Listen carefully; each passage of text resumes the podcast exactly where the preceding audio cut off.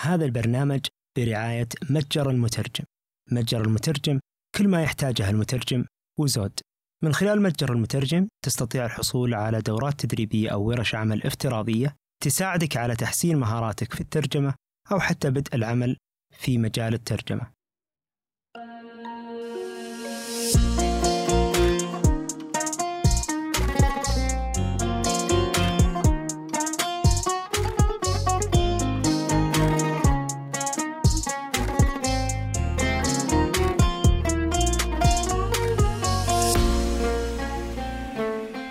أهلا وسهلا ومرحبا فيكم. ال- ال- اليوم عنواننا آه، مستفز قليلا يقول لك إدارة مشاريع الترجمة أحسن من الترجمة. يعني لا تشتغل في الترجمة اشتغل في إدارة مشاريع الترجمة. طيب أنا بكلمكم على شيء يعني طلعت عليها قريبا ودي يعني أبدأ فيها كمقدمة وبعدين ودي صراحة أسمع منكم. آه، قبل فترة حضرت صالون من صالونين الترجمة. إن صح التعبير أعتقد إنه أنا كنت اللي أدير ال- الحوار آه، وكان في الأخ مازن الحربي وكنا نتكلم عن يعني بعض الأمور اللي لازم نهتم فيها عشان يتطور المجال. وإن يعني عشان نحسن بيئة العمل. فأذكر إنه تطرق لموضوع إدارة مشاريع الترجمة للمترجم الفوري مهمة جدا. ومهم إنه يكون في الميدان في شخص كذا تكليفة مدير مشاريع آه، متخصص في الترجمة يدرك دور المترجم ويكون عارف متطلبات العميل ويضبط الجودة وينسق بينهم. وأذكر إنه كان من الأمور اللي تطرق لها مازن قال إنه حتى يعني يفترض إلى حد ما إنه تدرس آه، في الكليات. يعني لو مادة أو جزء من مادة يتكلم عن كيف تدار عملية الترجمة أصلا. فهذه هذا جانب، والجانب الثاني قبل كم يوم كنت أقرأ منشور أعتقد على تويتر إذا ما خاب ظني وفي أحد كان يتكلم عن موضوع المبرمجين. كان يقول المبرمجين الحاجة لهم قوية جدا ومهمة ولكن بدأ يكثر آه، موضوع اللي هو آه، تحولهم من البرمجة إلى إدارة المشاريع، فيصير ما عاد يبرمج بنفسه ما عاد يبدع فقط يدير المشاريع. وأنا من زمان عندي وجهة نظر في موضوع آه، إدارة مشاريع الترجمة إنها ممكن تكون مفر بديل أو كيف أقول لكم؟ ممكن تكون يعني مسار بديل، مسار بديل لخريج الترجمة. خصوصا إذا ما وجد نفسه في يعني في حب الترجمة أو الإبداع فيها أنا أشوف إنه دائما يكون مخرج جيد للمترجم فيه. فودي أسمع منكم أول حاجة، ودي إذا أحد يساعدني يعني نعرف الجميع بالمفهوم هذا، وش نقصد بمدير مشاريع الترجمة؟ ويا ليت اللي يعني آه، أعطيني رأيك عادي سواء على التحريري أو على الشفوي، أنا ودي أسمع منكم صراحة. آه مرحبا أهلا وسهلا أولا. آه مدير مشروع الترجمة على حد علمي طبعا إحنا درسناه في الجامعة كان آه كان هو آه اللي يتواصل مع العم... يتواصل مع ال client مع العميل آه ويكون عنده فريق فريق الترجمة. يعني يكون عنده مترجم و editor واللي هو المحرر أو المدقق. ويكون عنده فريق يعني أكثر من مترجم فهو يختار مثلا المترجم الصحيح آه، لل type المعين حق ال- ال text اللي هو واصله. ممتاز. أول حاجة يا غيوث تعرف إنك محظوظة؟ لأنه آه، جامعتكم هي الجامعة الوحيدة حسب علمي اللي تدرس منهج آه، إدارة مشاريع الترجمة. آه إي نعم. وكنا إحنا حتى نعم حتى أول دفعة أخذناه أخذناه مع الدكتور محمد بركاتي. ممتاز ممتاز. عموما التخصص هذا يعني أو أو هذا المسار ممتاز جدا إنكم تكتشفوه. طيب أبغى أسألك يا غيوض الآن. آه، أنا ما أعرف يعني آه، أو ما أقدر أعلق على على كل يعني مسيرتك أو أو يعني يعني ما أعرف عنك معلومات كافية عشان أقول مثلا أنت مبدعة ولا لا. ولكن خلينا نتخيل إنه أنت توجهك إداري أكثر. ما تحبي الترجمة؟ هل تعتقدي إنه ممكن آه، إدارة مشاريع الترجمة تفتح لك باب من اللي درستيه يعني؟ ويا ريت لو كمان تعطينا رأيك الشخصي في في المادة هذه أو في مشاريع الترجمة. من من اللي فهمتيه خلال الفترة الماضية؟ آه بصراحة أحس إيه لأنه من من الممكن يعني لو آه ما كان توجهي للترجمة أكثر آه راح يفيدني إن أنا أكون مديرة مشروع للترجمة. وأحس مدير ال- المشروع الناجح يضم لفريقه مترجمين آه محترفين. يعني يكون هو عارف مثلا المترجم هذا آه شاطر جدا بالسلك القانوني المترجم هذا شا- شاطر في السلك الاقتصادي وهكذا. ممتاز. طيب هذا هذا رأيي رايي معتبر جدا. طبعا آه، نكرر عليكم مثل ما قلنا أمس آه، اللي ما يقدر أو ما يحب إنه يشارك صوتيا بإمكانه يستخدم خاصية ال- الكومنت اللي موجودة تحت في الربن اللي تحت ويشارك كتابيا وراح نقرأ ال- ال- المشاركات. طيب خلوني أقول لكم أنا من وجهة نظري كيف شايف موضوع يعني مشاريع الترجمة كحل بديل أو حل مساند؟ أنا اشوفه بطريقتين ممكن إدارة مشاريع الترجمة ممكن الواحد من البداية خلال دراسته يكتشف إنه والله عنده ميول إدارية وعنده صعوبة مثلا في الترجمة أو ما يحب ما يحب الترجمة ولكن يستمتع والله بقراءة الترجمة آه وتنسيق الأعمال والأطراف مع بعض وإلى آخره. فممكن يكون هنا عنده مخرج مبدئي من يوم ما يتخرج إنه يتوجه لإدارة مشاريع الترجمة. فهو يكون عنده القدرة على الحكم على الحكم على النصوص الاطلاع عليها تنسيق الملفات التنسيق التواصل مع العملاء وإلى آخره فيصير هذا مساره البديل. وفي آه، مسار آخر أنا أشوفه أكثر منطقية صراحة اللي هو لما الشخص يبدأ كمترجم فترة من الزمن المفروض يبدأ يطور مهاراته بعدها إلى آه، المهارات الإدارية وحتى يصل إلى مدير مشاريع ترجمة. فيبدأ من آه، مرحلة يعني ترجمة ثم يتقدم في هذا المسير حتى يصل إلى مدير مشاريع ترجمة وطبعا في طبيعة الأحوال اللي يكون تدرج كمترجم بعدين يعني عدد من السنوات ثم تحول لمدير مشاريع ترجمة غالبا يكون عنده يعني قدرة أعلى في إدارة المشاريع في حال إنه كان يعني مهاراته الإدارية ممتازة. أه ودي أسمع منك نايف تفضل. السلام عليكم مسيكم بالخير. أه أتفق في النقاط اللي ذكرتها يا أستاذ فهد عن مسألة إن اللي ممكن ما يجد نفسه في عمل الترجمة أه وعنده ميول إدارية يتوجه للنطاق هذا. لكن في اختلاف كبير بين الوضع اللي موجود هنا في أمريكا وبين اللي عندنا في السعودية، إحنا عادة في أمريكا هنا وظيفة مدير المشاريع عادة تكون نسميها entry level position. يعني اللي يتخرج من من الماجستير حق الترجمة ويدخل مثلا عند الـ LSP معين. في البداية ممكن يعطونه tasks ترجمة بسيطة ويمسكونه اداره مشاريع علشان يتعرف على طبيعة عمل الترجمة كاملا من ال bidding للتعيين لتحديد الميزانية لتحديد هوامش الربح وأيضا يساعدون يدربونه على إنه يتعامل مع مترجمين مختلفين. الجانب المهم اللي لازم ندركه في في إدارة مشاريع الترجمة انك قد تدير مشاريع في زوج لغوي أو في يعني في زوج لغوي ممكن أنت ما تعرف عنه شيء. يعني يعني صراحة sounds counter intuitive إنه ممكن مثلا اني أنا ادير مشروع ترجمة مثلا بين الإنجليزي والأسباني وأنا مثلا تخصصي عربي. فاهم لكن هذا شيء موجود وفعليا موجود في السوق لأن المهارات المطلوبة من من مدير المشاريع آه، لا تتطلب بالضرورة. طبعا هي مستحسن إنك تكون تعرف الزوج اللغوي لكن لا تتطلب بالضرورة معرفة اللغتين. آه، هي عاده ما لها علاقة في في إدارة الجودة في آه، عملية ال onboarding حتى في في يعني عملية ال onboarding بعض الأحيان يخصص لها شخص في الشركة يكون مختلف عن مدير المشاريع. يعني عملية ال onboarding اللي هو مثلا عملية استقطاب المترجمين وال freelancers لل LSP نفسه. ف آه، أنا ما ودي ان نعرف أو أو نحدد آه، ال project management فقط في نطاقها اللي إحنا نعرفه. مثلا أنا اشتغلت مثلا project manager مثلا في localization أو أنت اشتغلت project manager في ك ك interpreting نحاول نعمم المفهوم بحيث إنه يغطي جميع تشكلات السوق سواء السوق المحلي، السوق الأوروبي أو السوق الأمريكي. طيب ممتاز ممتاز. هذا اللي نبيه.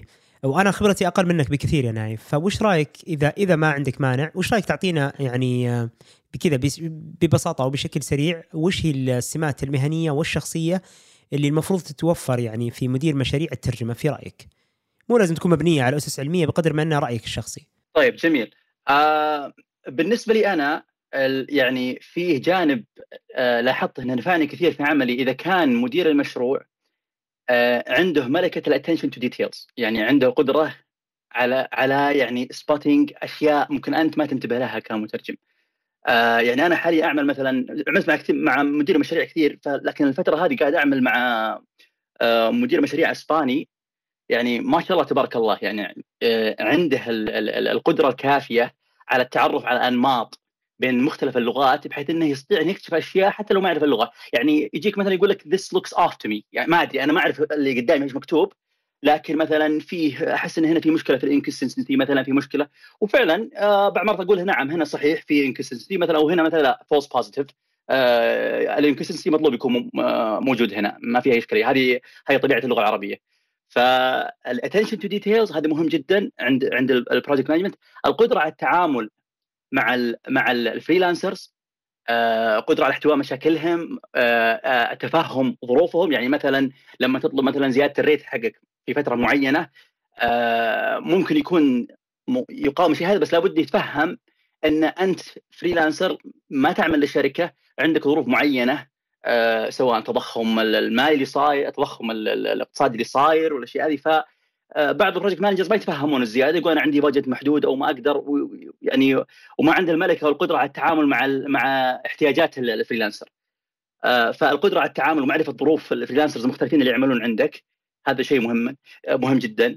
جانب العلاقات الشخصية مع ال freelancer كثير من ال project managers مثلا يفضل الشخص اللي يتجاوب معه بسرعة بغض النظر عن جوده جودة ترجمته. وهذه لاحظها كثير مع ال project اللي أتكلم معهم كثير إنه يقول يعني أنا يهمني إني لما أرسل مثلا لك رسالة في الإيميل أو في سكايب إنه يجيني رد خلال فترة معينة لأن أنا علي ضغط من اللي من اللي فوق. فكثير من المترجمين ما يدركون إن في بعض الأحيان ال project manager في فوقه project manager للشركة الأم. يحتاج إنه يوصل له بعض الأشياء في في وقت محدد في tight deadline ف يعاني مسألة إن إن المترجمين ما يتواصلون معه ف يعني آه، إنك تعطي ال freelancers ال expectation المطلوب منهم ك كمتعاونين معك وقدرتك على توصيل ال expectation هذه بشكل احترافي مهم جدا في عمل ال project management بشكل عام. هذا اللي يعني معي حاليا اللي بدر ذهني بس من تجربة آه، وممكن أضيف نقاط أخرى يعني إذا سمح الوقت من بعد. لا بالعكس. إذا سمح الوقت وإذا سمح لك آه، حالتك الصيامية. أعتقد إنك ما زلت صايم الحين. فما ودنا برضو نكثر عليك بس أنت اليوم صاحب الخبرة ترى. ف... فأنت أبد يعني في حل. إذا ما قدرت قل pass اللي بعده. آه، طيب معنا برضو الأخوان مازن حربي ومعنا عامر قبطي. ودنا ترى نسمع منكم. أنا أرسلت لكم دعوة لل... للمساهمة. فإذا حبيتوا وكان يسمح لكم الوقت ودنا نسمع منكم. آه، أيضا اللي قريب من هاني العتيبي يرسل له يقول له بسرعة طب يكون زين. أنا أرسلت له بس إذا أمدانا. ودنا نسمع صراحة من تجاربكم. طبعا الأخوان اللي في جامعة آه، كنت آه، في آه، الولايات المتحدة الأمريكية ما شاء الله عليهم مبدعين في جانب إدارة مشاريع الترجمة. يعني اللي يعرفوا مثلا الأخ عامر له مساهمات وله إدارة في موضوع ال localization والتوطين. الأخ نايف أيضا له مساهمات. الأخ هاني يعرف إنه يعمل الآن على رأس العمل في إدارة بعض مشاريع الترجمة. فكلهم يعني قدوات بالنسبة لي. ف فيهمني صراحة نسمع منكم اليوم كثير. آه طيب آه يعني يمكن اللي خلصنا له من كلام نايف يمكن اهم أهم ملكة ويعني ركز عليها اللي هي الاستقعاد اللي الواحد يقدر ينتبه للتفاصيل. آه ويعني ممكن حتى نلخصها بأنه يكون قادر على اكتشاف الخلل آه، قبل أن يقع يعني أو قبل أن يتشكل إلى مشكلة. آه، فأعتقد إنه يعني هذا هذا جانب مهم جدا. وأعتقد إنه فعلا يعني آه، يساعد كثير. طيب.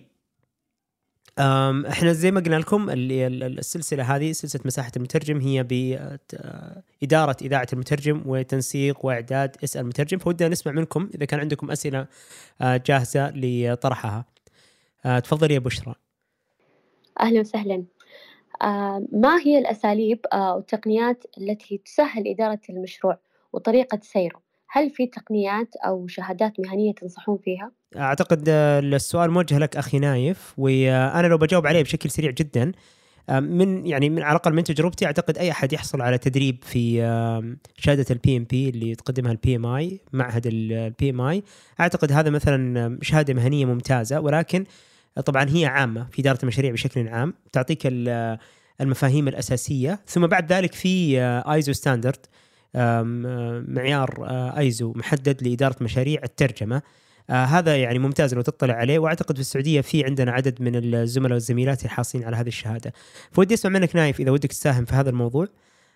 إذا كان في أي شيء ودك تنصح فيه أو تتكلم عنه فيما يخص إذا كان في تقنية محددة أو شهادة مهنية محددة تنصح بانه الواحد يطلع عليها. أه ما أزيد على اللي ذكرته هو بشكل عام أه يعني أه بالنسبة لي أنا شهادة الايزو وال PMP بشكل عام مفيده جدا حتى لو حتى لو ما تكون يعني متعلقة في الترجمة مفيدة بس الأفضل إذا قدرت إنك تبحث عن عن كورسات متعلقة في project management for translation and localization أتوقع إنها تكون يعني المعلومات فيها more آه، relevant للشيء اللي أنت قاعد تسويه.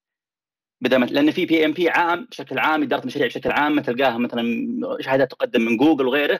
وفي ارض في أيضا PMP خاص لل localization وال translation فإذا أنت إذا أنت راح تختار توجه في ال project management توقع توجه لشيء متخصص في أو مدربين متخصصين في الناحية. واضح واضح. آه، يمكن يحضرني قبل فترة آه، قبل صراحة ما أبدأ الدكتوراه كان عندي اهتمام إني أشغل وقتي. وكان في برنامج من جامعة واشنطن في سياتل في localization وكان ضمن البرنامج فيه ال- ال- ال- إدارة المشاريع إذا ما خاب ظني في ال localization وتراه عن بعد وفقط في ال weekend ومدته تسعة أشهر بس إنه ياخذك تماما من الصفر إلى ال- يعني إلى ما يعني تستطيع عليه في ال localization فقد يكون يعني ممكن توجه إذا حبينا نجاوب على هذا السؤال. ففعلا يعني أهم حاجة إنه الواحد يعرف إنه في شيء مبدأ عام في إدارة مشاريع بشكل عام أي مشروع له أساسيات اللي هي تحديد النطاق تحديد العميل واحتياج العميل ال- الموارد ال input output كل هذه الأمور.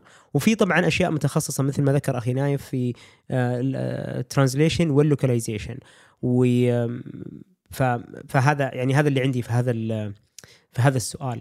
فما أعرف أسأل مترجم عندكم سؤال ثاني بشرة؟ ولا ننتقل تبغى ننتقل لسؤال ثاني أو ناخذ آم، ولا تبغون نغوص أكثر؟ أنا ممكن بس أد- في نقطة يعني بالنسبة للمبتدئين يعني عشان عشان لابد نكون يعني نراعي النقطة هذه. بالنسبة للمبتدئين في في ال project management ممكن كمجموعة يعني ممكن أسميها راج تاج project management إنك يعني أنتم مجموعة آه، مبتدئين مثلا تسوي لكم مشروع ترجمة آه، بحيث إنه واحد هو اللي يصير مثلا assigning the project تستخدمون مثلا free trial لاي برنامج من ال CAT tools اللي على ال cloud Smartcat بحيث تقسم العمل. ففي طرق إنك ما يحتاج فعليا آه، تنتظر إن أحد يعلمك. ممكن أنت تاخذ البادرة بنفسك وتسوي مثلا mock project مع زملائك وتشوف ال- ال- الـ features اللي موجوده في في تطبيقات ال CAT tools لو تلاحظ الآن ال CAT tools بدأت تسوي integration للاشياء اللي موجوده اللي موجودة من مهام ال project manager مثل ال assigning ال reviewing وال checking ففي وال QA بشكل عام. فممكن كمرحلة أولية للمبتدئين إنهم يسوون مجموعة بين- بينهم بين بعض ويبدون مثلا okay ناخ- ناخذ مثلا النص هذا. أنت تصير ال project manager ابدأ ويلا ادخل على Smartcat ابدأ وزع علينا ال project إحنا مسوي لنا حسابات وهمية طبعا يسوي بإيميل عشان ياخذ عدد كلمات مجاني فترة معينة. وهكذا. فأنا اللي بحرص عليه النقطه اللي لا تنتظر أحد يدربك بقدر ما أنت تاخذ البادرة وتحاول تتعلم بعض الأساسيات ولو شيء ولو شيء بسيط الين ما آه، تاخذ formal training آه هذا الكلام. شكرا شكرا شكرا من كل قلبي. آه فعلا آه ترى شغل شكرا إنك حتى نوهت على هذه النقطة. انه ترى أغلب برامج ال- ال- ال CAT tools الآن آه خصوصا السحابية منها Smartcat آه Memsource اللي صار تحول اسمه صار Phrase وإلى آخره. آه لما تأخذ ال- العضوية المجانية في الأول ترى يعطيك صلاحية project manager فبإمكانكم مثل ما قال آه نايف أن تشكلون مجموعة وتلعبون هذه الأدوار. واحد منكم يفتح الحساب على إنه project manager ويضيف users ويسند أي نص آه، لزملائه. وبعدين يعين واحد يكون مراجع واحد يكون مدقق وإلى آخره. آه، أيضا ممكن تطبقونها في الواجبات أعتقد. آه، يعني ممكن إنه مثلا لما يكون عندكم group assignment ممكن تطبقونها بالآلية هذه. فهذه يمكن واحدة من الطرق اللي يعني to involve بس عجبني كثير لما قال لا تستنى أحد يدربك جرب أنت بنفسك لأنه أغلب المواقع هذه الآن مطورة بطريقة إنها تسمح للجميع بإنه آه، أو ال user interface حقها والمست... واجهة المستخدم تكون آه، مناسبة أو مشروحة ذاتيا في نفس الموقع. فلذلك يعني شكرا نايف. أعتقد إنه أفضل طريقة أن نستكشف بأنفسنا. آه، أخ عامر حاب تشارك في آه، أحد الأسئلة هذه أو تضيف أي شيء من عندك؟ طبعا آخر سؤال طرحناه كان ما هي الأساليب أو التقنيات اللي تسهل إدارة المشروع وطريقة سيره؟ وإذا كان في تقنيات محددة أو شهادات مهنية تنصح بها. طيب اولا السلام عليكم. مساكم الله بالخير جميعا وكل عام وأنتم بخير. وفرصة جميلة يشهد الله إنه آه، نتواجد ونسمع أصواتكم كلكم. آه، بالنسبة لي ببدأ من حيث ما انتهيتوا وبعقب على كم نقطة بسيطة. وفي نفس ال- الوقت آه، راح أشارك تجربة بسيطة جدا جدا آه، أتمنى أنها تكون مفيدة لل- للجميع. اولا العنوان نوعا ما ترى شويتين مخادع. فأنا ما أعرف إذا كانت ال- ال- ال- الفكرة إنه توصلون إنه يفضل إن الشخص يبدأ بمشاريع الترجمة بعدين. الترجمه أو إذا كان الشيء عكس. تسمح لي؟ الموضوع تعمدنا يكون كذا نحط شكله مستفز عشان بعدين نشرح الموضوع. هو هي فكرتنا من ال- العنوان هذا نبغى نوضح إنه ترى في مسار غير الترجمة. يعني خليني بقول لك أنا فكرة الحلقة اليوم نوضح شيئين. إن في مسار ترى مختلف عن الترجمة يصلح لخريج الترجمة في حال إنه ما وجد في نفسه القدرة على إنه يترجم. يعني في ناس مثلي أنا ما أحب إني أجلس وأترجم. ما أقدر ما ما, ما لا أستطيع فهمت علي؟ آه ولا وسبحان الله ربي وفقني وصرت مترجم شفوي فصرت ما عاد أحتاج أجلس وأترجم. وفي أيضا اللي يطول مثلا في مهنة الترجمة ممكن ينتقل لإدارة مشاريع الترجمة يعني زي اللي بنسلط الضوء على هذا الموضوع. شكرا لك على التوضيح وبالضبط آه هذه أساسا واحدة من ضمن ال- ال- الأشياء اللي أنا مركز عليها في بحثي في الدكتوراه إنه الترجمة ما هي مجرد بس إنه واحد يجلس قدام كمبيوتر ويترجم آه نصوص فقط لا غير. فيه المسارات المتعلقة بالترجمة. ومو ضروري إن الشخص يكون آه، نابغة نحويا وما إلى ذلك على أساس يكون آه، يشتغل في مجال الترجمة. فاللي اللي ببدا فيه اللي هو إنه ضروري إنه ال project manager آه، يكون مترجم ولو لوهلة. يعني لو فترة بسيطة جدا إنه يتعامل مع النصوص يتعامل مع مشاريع الترجمة قبل أن يكون هو مدير مشروع. يعني آه، يفضل إنه آه، يشتغل مع أكثر من project manager يشوف أكثر من workflow يشوف أكثر من آه، أسلوب في التعامل مع ال- آه، المشاريع وبعدها يبدأ يتدرج. أنا شخصيا اشتغلت فترة طويلة جدا مع project managers من أمريكا الجنوبية. وكان آه، نمطهم في التعامل نوعا ما مختلف. في كثير من ال- المشاريع. وتعودت على الأسلوب هذا وخلاص يعني صرت مرتاح نوعا ما مع آه، أسلوبهم ونمطهم. بعد فترة جاء مشروع ضخم جدا وكان ال- ال project manager آه، إسباني. واختلف ال- ال- النمط 180 درجة. يعني صار شيء جديد بالنسبة لي. آه، بعدها اشتغلت مع project managers من اليابان. وفعليا آه، شيء مختلف تماما عن التجربتين اللي قبل. اشتغلت أيضا مع project managers عرب وكل آه، آه، تقريبا آه، التعميم آه، سيء جدا لكن أقدر أقول إنه كل آه، مجموعة أو آه، فئة لهم نمط مختلف تماما في التعامل مع المشاريع وبحسناته وب- وبسلبياته.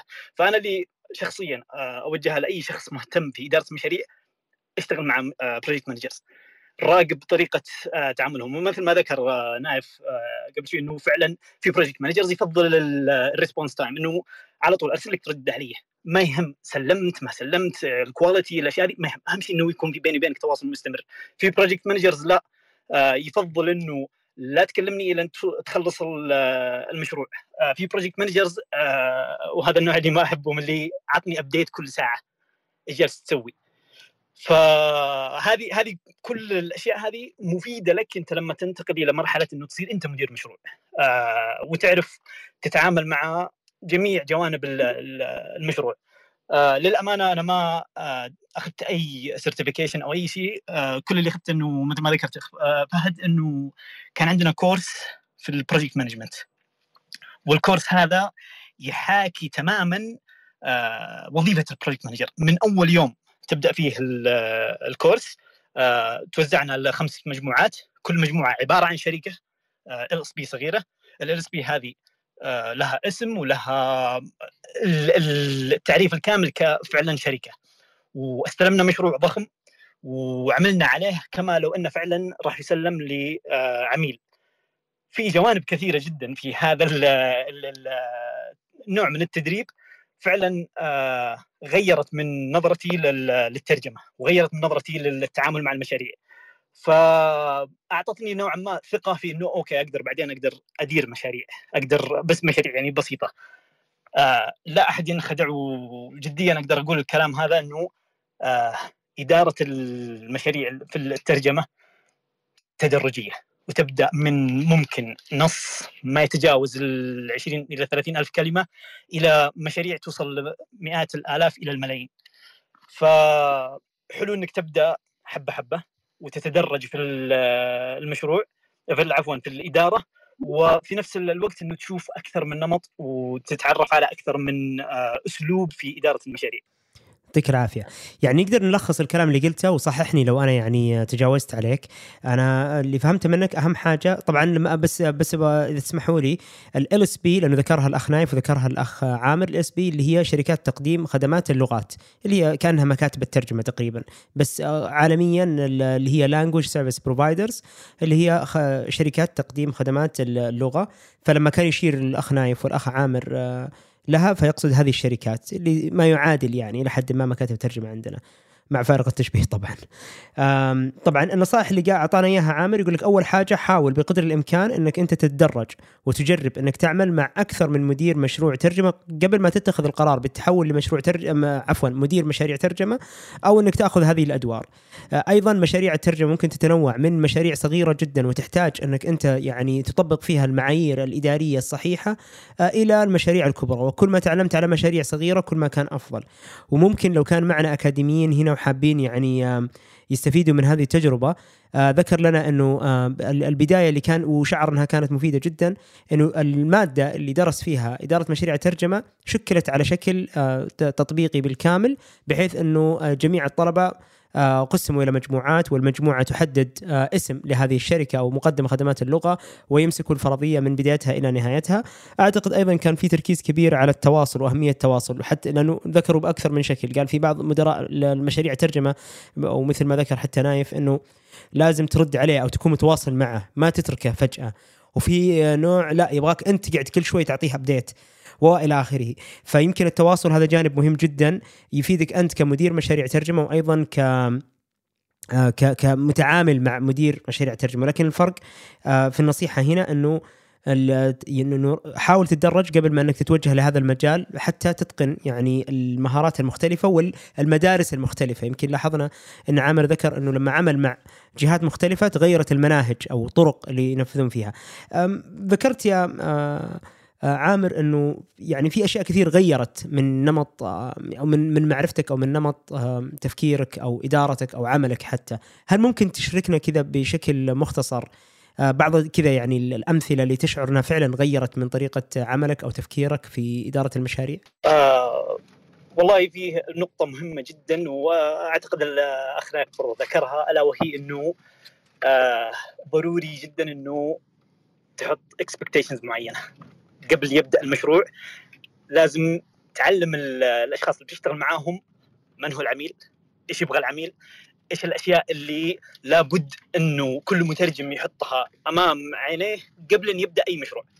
هذه تريحك جدا جدا في إدارة المشروع وتعرف يعني آه أنا اشتغلت أنا ونايف في مشروع أنا كنت مدير المشروع وكان العميل آه همه الأول والأخير إنه يتم المشروع في أسرع وقت. فقبل أن يبدأ المشروع الشباب اللي كانوا معايا في المشروع أعطيتهم الفكرة. قلت لهم العميل مستعد يدفع لكن يبغى الشغل يكون في أسرع وقت.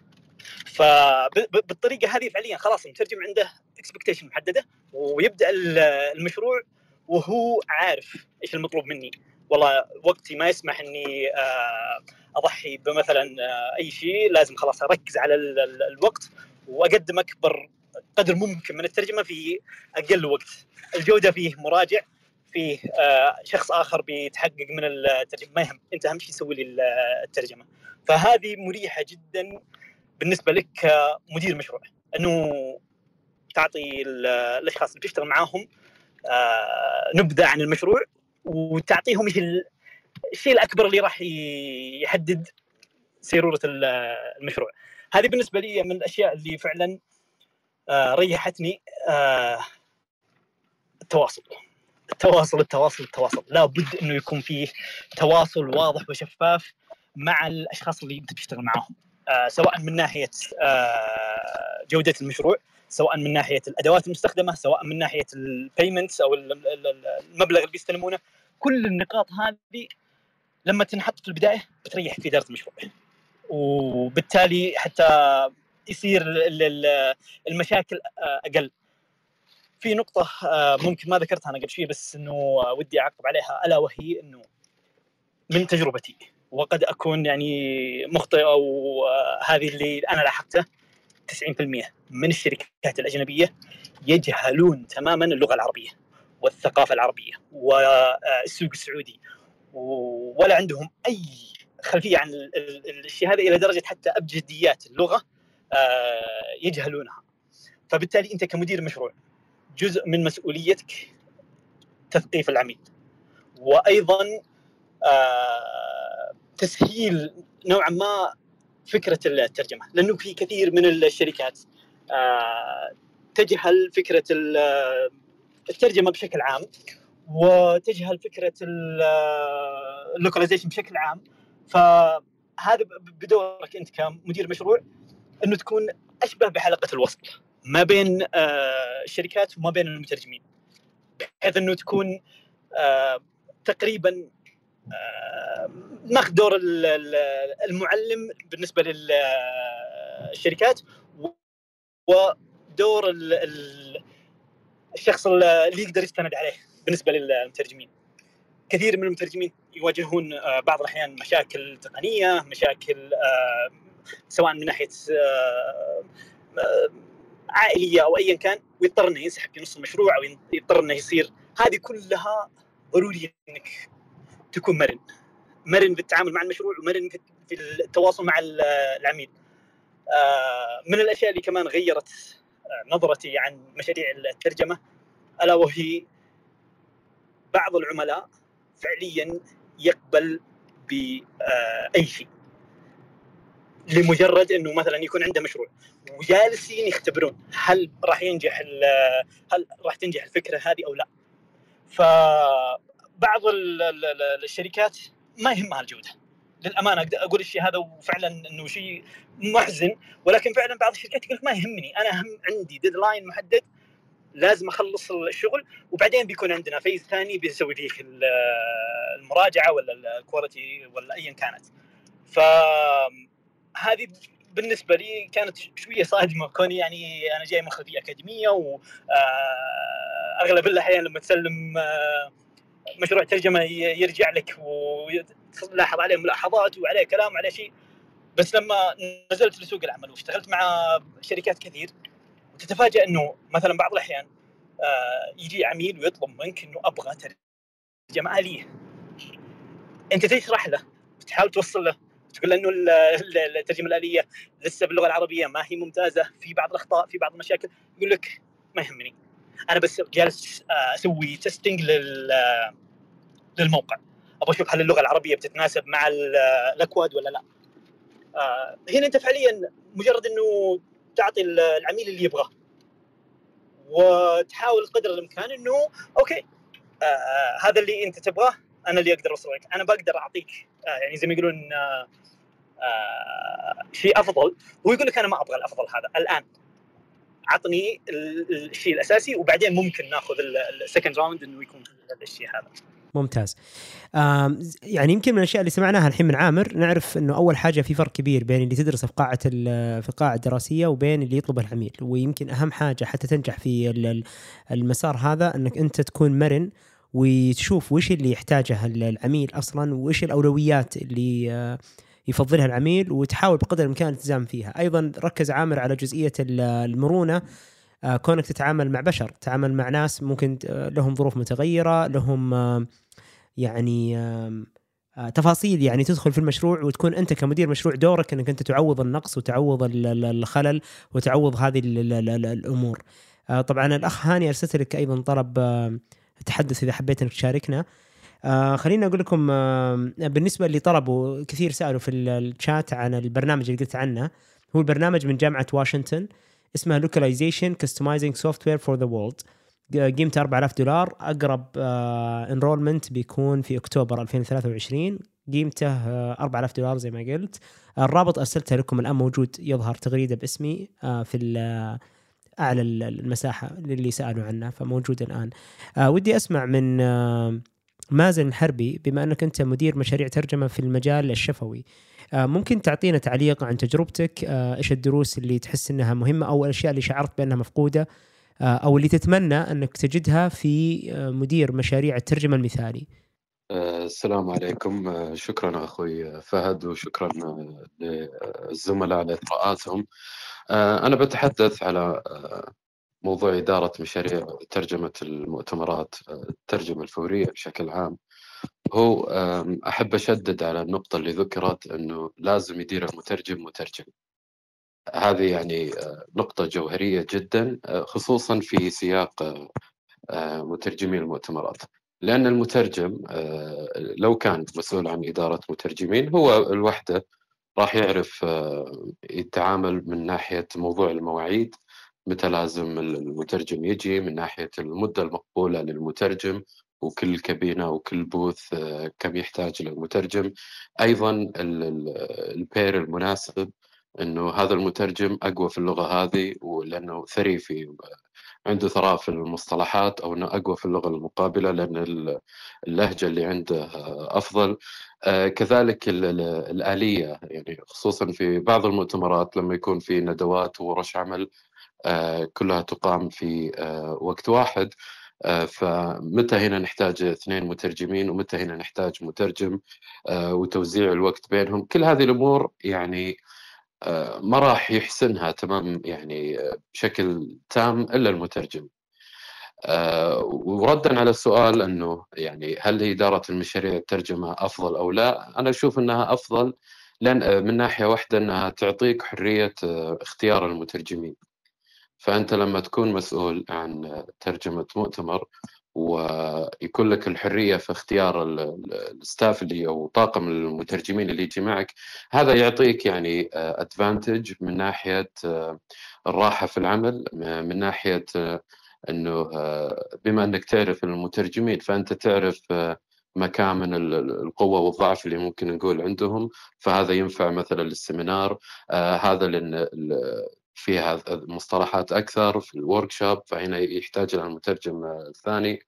آه، أنا من واقع خبرتي فيها آه، ما واجهت صراحة آه، حقيقة مشاكل طالما إني اخترت المترجمين اللي معاي. لكن في حاجة وأتوقع هذه مشابهة حتى في في موضوع الترجمة التحريرية إنه أحيانا بعض الكلاينت لما يطلب منك طلبات خلينا نقول في آه، وقت متأخر أو خلينا نقول أيضا آه، طلبات غير معقولة. على سبيل المثال آه، وهذه صارت يعني على سبيل المثال لما يتصل عليك في في آخر الليل الساعة 12 أو 1 يبغى مترجمين ضروري الساعة 8 لكن ميزانيته تقع في المبلغ هذا. فهنا صعب ما ما بيدك شيء تسويه أنت تضطر أنك تعتذر عن المشروع. كذلك لما يكون فيه إنه يبغى مترجم يجلس في بوث مدة ثلاث ساعات متواصلة أو ممكن إلى أربع ساعات والمترجم الآخر يحتاجه في event ثاني أو ك consecutive في مكتب أحد أحد المسؤولين ويجلس معه ولا يكمل مع زميله. فأتوقع في نفس السيناريوهات هذه موجودة في التحريري فقد نقع فيها في حال كان المسؤول مثل مدير المشروع فوق المدير المشروع. إذا كان المدير المشروع الآخر ما عنده إلمام على عملية الترجمة وكيف إنها تصير وش يحتاج أصلا المترجم وليس كل مترجم بإمكانه إنه يؤدي الترجمة الفورية.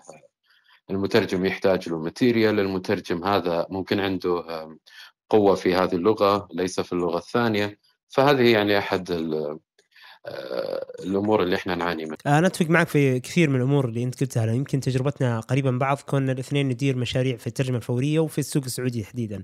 أبغى أسمع من الأخت أسماء آه، أنا آسف طولت عليك آه، إذا كان سواء عندك مداخلة أو سؤال ثم أبغى أنتقل للأخ هاني نبغى نسمع من تجربته في إدارة المشاريع في في أمريكا. تفضلي أسماء.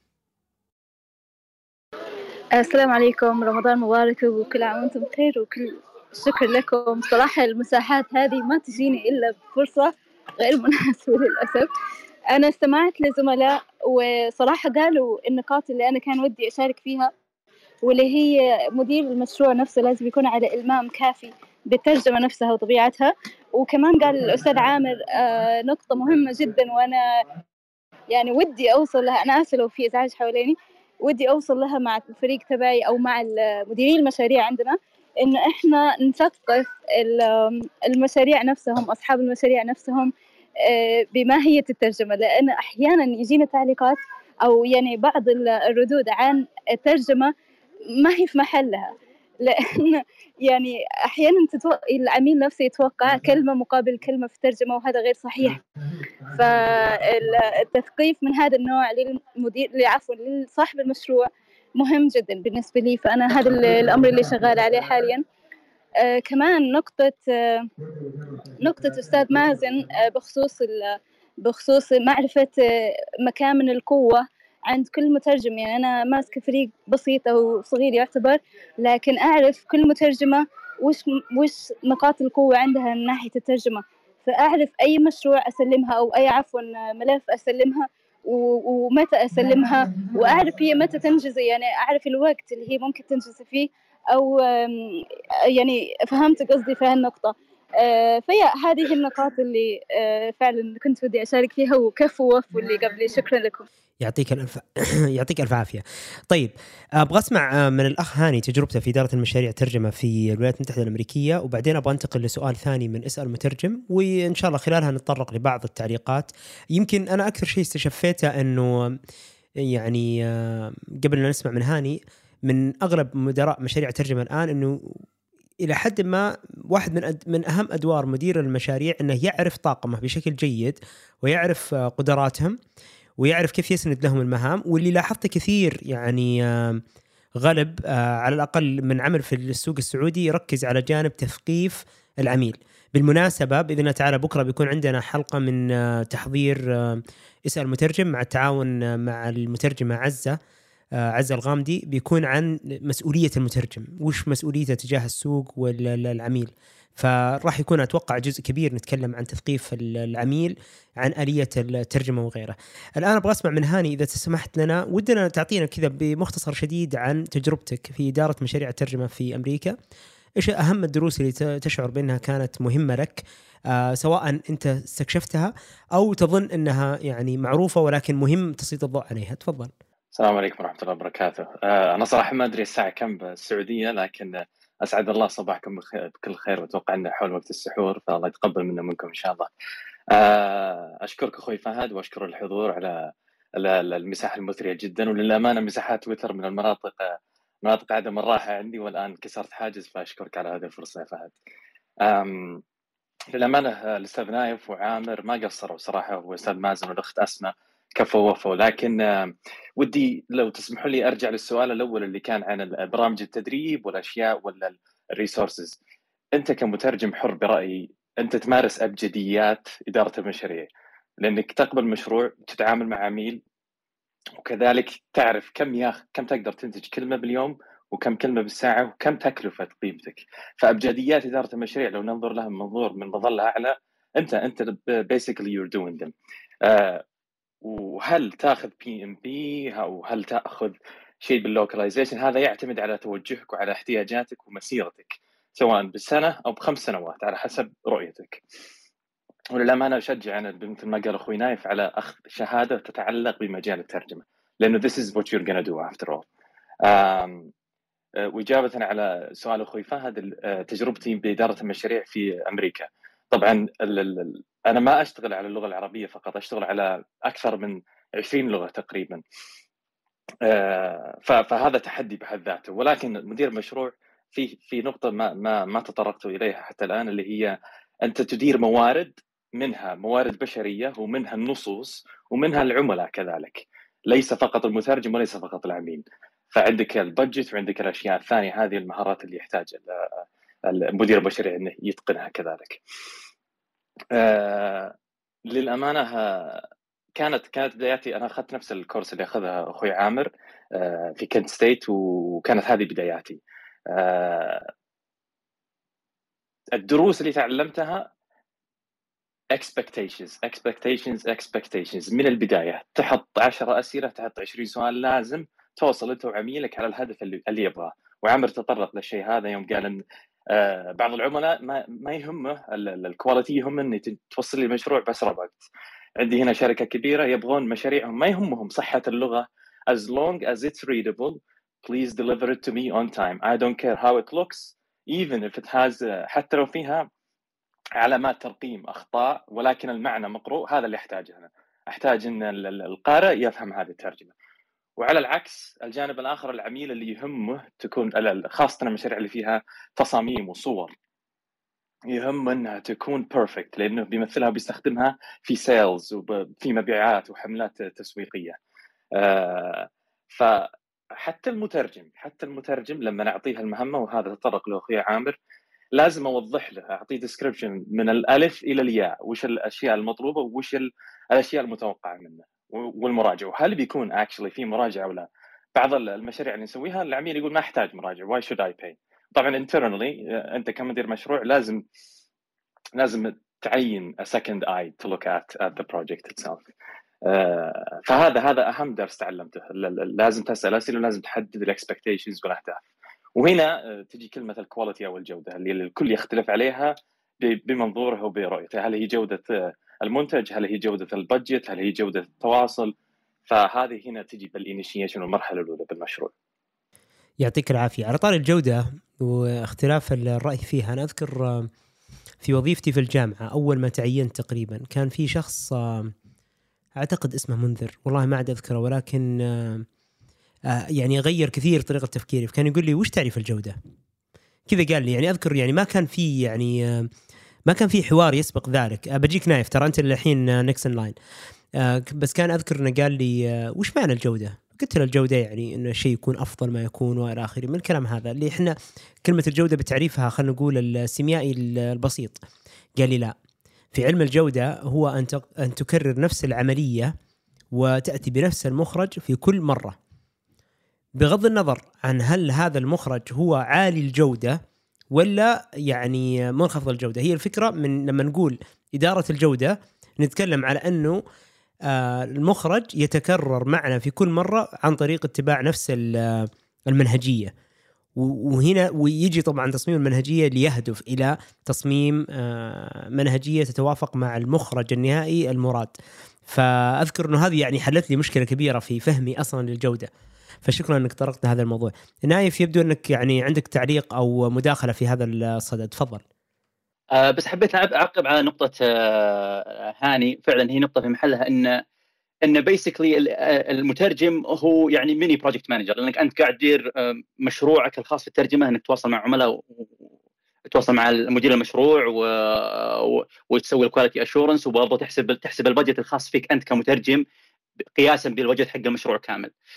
آه، النقطة اللي أنا بعقب عليها أن بعض الأحيان ممكن ممكن المترجم يأخذ دور بيني. يعني ممكن في أي لحظة من المشروع يصبح هو the de facto project manager بشكل مؤقت. يا إما عادة يكون شيء يعني يفرضه واقع المشروع اللي هو فيه. آه، وهذا اللي فعلا صار أنا يعني بضرب بمثال يعني اللي اللي صار معي أنا في في مشروع آه، توطين آه، امازون الكسا نجدية. في البداية إحنا كنا نشتغل أنا والزميل يزيد هو معنا في المجموعة هنا في في الغرفة أو في الروم. كنا بس الاثنين نشتغل مع مدير المشروع اسباني تقريبا مده خمس أشهر. بعدين اضطر السريزي يطلع من المشروع عنده كان عنده ظروف خاصة. فبقيت لوحدي مع مدير المشروع وبحكم إنه ما يعرف عربي ولا عنده قدرة على التقييم اجتمعت معه وقلت له اقترحت له قلت له وش رأيك إني أنا أستلم ال onboarding للمشروع؟ وأكون الفريق اللي أنا أشوف إنه مناسب إني أدي ال project هذا. وبعدين أنا اترك الخيار حسب ميزانيتك. أنت يمكن يعني exclude who you want ولا ولا تضيف تطلب إضافة أشخاص آخرين. فبعدها بديت أتواصل مع كم زميل. خلاص قال لي أعطاني ال okay. تواصلت مع كم زميل. أه تواصلت مع زميلة هي هنا في Kent State بحكم إنها من يعني من من أهل القصيم. ثم تواصلت مع زميلة أخرى درست معي في الماجستير وكنت أثق في قدراتها يعني كمترجمة آه، دكتورة أسماء. بعدين لما وافقوا الاثنين أخذت يعني هاجس ال project manager إنه okay طيب الآن الاثنين هذول كلهم الطابع يعني يغلب عليهم الطابع اللهجة القصيمية أو أو القصيمي فأنا ما أبغى Alexa تصير نجدي قصيمي أبغاها نجدي بشكل عام يعني فخفت إنه راح يغلب يغلب على التوطين الطابع القصيمي فقلت okay لازم أسوي counterbalance لازم أسوي counterbalance فكلمت زميل لي اللي هو معنا أستاذ عامر إنه آه، يعرف اللهجة النجدية كلهجة بيضاء وممكن ممكن يعني يساعد في عملية اختيار يكون طرف محايد و counterbalance في العملية هذه. فالخطوة الأخيرة تواصلت مع أحد الزملاء دكتور في الجامعة عندنا دكتور ناصر العجمي. آه، وطلبت منه إنه يشتغل معنا كمستشار في ضبط ال- ال- اللهجة النجدية كون إن ال- اللهجة النجدية من من صلب اهتمامات البحثية. رجعت لمدير المشروع عرضت عليه الفريق قلت له آه هذا المشروع هذه الميزانية هذا اللي ممكن إنك يعني تدفع لهم. فهو ما كان حاسب حساب إنه يكون مستشار لغوي في الميزانية فقال آه يعني ميزانيتي ما تسمح. فبشيل ال- ال- المستشار اللغوي ونبقى على فريق العمل و وكملنا في المشروع. بعدها مباشرة رجعت لدوري الرئيسي كمترجم ضمن الفريق فأخذت ال- project management فترة بسيطة لين ما حليت إشكالية معينة بعدين رجعت لدوري الرئيسي في في في العمل. فهذه النقطة اللي بوضحها إن بعض الأحيان آه، طبيعة المشروع تتطلب عليك يعني إنك تلبس أكثر من قبعة وكل مرحلة تختلف وكل مشروع يختلف عن مشروع آخر. فلابد من النعي للناحية هذه برضه يعطيك الف عافية. طبعا أنا آسف أنا من يوم ما أنت تكلمت عن إنه أنا إنك ما تبغى أليكسا تتكلم قصيمي وأنا قاعد أتخيل في مخي أليكسا تتكلم قصيمي. ف... فكان الموضوع صراحة مضحك شوي في مخي. يعني تخيلت كذا إن أليكسا ما تتكلم إلا قصيمي. والله إنها بلشة. آه طيب آم يعني يمكن أكثر شيء يعني آه، استفدته من تعليقك ال- ال- الآن آه إنه أهم شيء إنه ممكن آه أو من المهم على الشخص إنه يعرفه حتى وإن كان آه، ارتدى قبعة مدير المشاريع إنه يعرف إنه ترى مدير المشروع ممكن يعني يكون مرن ويجب عليه إنه مرة يكون مترجم مرة يكون مدير مشاريع والفرق بينهم آه، كبير وصغير في نفس الوقت بمعنى إنك بإمكانك أن تكون مترجم ومدير مشاريع آه، ولكن لما تلبس قبعة مدير مشاريع لازم تأخذ بعين الاعتبار آه، آه، ال- الأمور أكثر. يعني على سبيل المثال في مثالك إنه العميل مثلا رفض وجود المستشار اللغوي يجب أن تكون مرن وتقول أوكي ما في مشكلة لازم أتصرف بالموارد الموجودة عندي. وهنا نرجع لنقطة آه، الأخ هاني إنه أنت كمدير مشاريع آه، ما زال فوقك مدير وما زلت تدير موارد. فإذا كانت آه، مواردك يعني حتى لو كانت مواردك محدودة يجب أنك لا تغضب أو لا يعني يعني خلينا نقول ما تحجم عن العمل بل إنك تتصرف باللي موجود عندك. آه، أيضا إنه من دورك المهم جدا التثقيف وإنك تبني العمل بشكل آه، صحيح وسليم وتقترح سير العمل ال- ال- اللي تظن بإنه مثالي ولكن في حال إن العميل ما وافق عليه أو ما رغب بهذا المسار يجب إنك تتأقلم وتكون مرن كفاية بإنك تتعامل مع الموارد المتاحة لديك. ودي أسمع من ترجمان إذا كان عندك مداخلة أو سؤال ثم ننتقل لأسأل مترجم بطرحهم للسؤال التالي. تفضل يا ترجمان محمد دريس تفضل. آه، أشكركم والله على هذا النقاش المثري والممتع واللي تقريبا عندي سؤالين بخصوص هذا الأمر أو خصوص هذا الموضوع الليلة إنه مثلا السؤال الأول آم، يعني أنا أقول إني أستخلص من اللي سمعته إنه آه، مسألة إدارة المشاريع مشاريع الترجمة كأنها التطور الطبيعي للمترجم صاحب الطموح. هذا اللي استخلصته وما أدري هل هل يوافقني عليه توافقني عليه أستاذ فهد ويوافقني عليه الجميع. والسؤال ال- الثاني هو آه، ما هي في رأيكم جميعا من واقع خبرتكم أبرز ثلاثة مخاطر يواجهها مدير آه، آه، مشاريع الترجمة وشكرا لكم. طيب بالنسبة للتطور الطبيعي أنا أشوفها بشقين صراحة. أنا أشوف أنه مهرب لمن لم من اللي درس أربع إلى خمس سنوات في تخصص الترجمة ولكن له ميول إدارية آه ويحب التنسيق بين الأشخاص. وعنده مثلا ال- اللي يسمونها مهارة آه، آه، التواصل إيش يسمونها نسيت والله. أعتقد المهارات العاطفية والذكاء العاطفي عفوا الذكاء العاطفي ويحب إنه يتواصل مع الأشخاص أكثر ويتعامل مع الأشخاص ويحل المشاكل قد يكون مسار له من غير ما يكون في تطور طب- طبيعي. ولكن أيضا وجدت إنه يعني من الاخ هاني الأخ عامر إنه يتفقون بأنه آه، يفترض دائما إنك أول شيء تمارس دور المترجم ثم تتطور لمدير مشاريع. فأنا أشوف هذه الثنتين ممكن يعني أنا أشوفها إنها مسارين مختلفة ممكن كذا وممكن كذا. بالنسبة للمخاطر راح أتركها للزملاء اللي عندهم تجربة يعني ثرية في مجال ال- آه، إدارة المشاريع. راح نبدأ بعامر ثم نايف ثم مازن إذا حب إنه يشارك. تفضل يا عامر. آه، يزيد فضلك أستاذ فهد. آه، معذرة له حواليني إزعاج وأعتذر لو ما بقدر أشارك بعد المشاركة هذه آه، لكن حاب أوجه أو عفوا أجاوب على السؤال الأول. آه، وبالنسبة للمخاطر فأنا اتركها للاستاذ هاني هو أخبر بالموضوع. آه، في شغلة أنا لاحظتها وهذه آه، ممكن اختلاف ثقافة أو اختلاف آه، سوق عمل لكن آه، مهنة مدير مشاريع الترجمة في أمريكا تعتبر entry level وما تصل لأنك تكون مترجم إلا بعد ما تت- تتدرج في ال- إدارة المشاريع والاشياء يعني تقريبا عكس اللي موجود عندنا في السوق السعودي هنا. هنا يبدأ الواحد مترجم وبعدها ممكن ينتقل إلى مراجع بعدها مدقق بعدين ممكن يصل إلى آه، مدير مشاريع. وهذه من الأشياء اللي صراحة آه، آه، ودي إنها تتغير نوعا ما. إنه طبيعي عادي ممكن زي ما ذكرت أستاذ فهد إنه شخص درس أربع خمس سنوات عنده خلفية كاملة في الترجمة عنده معرفة تامة بال- بالترجمة ويبدأ بإدارة ال- ال- المشاريع. آه، نوعا ما تدرجيا. لكن هذه بالنسبة لي اللي أنا لاحظته. وقد آه، زي ما يقولون آه، يختلف معي الكثير. لكن في أمريكا هي تعتبر entry level job وحتى في إدارة ال- ال- ال- المشاريع فيه أكثر من منصب أو أكثر من مستوى تصل له في إدارة ال- المشاريع.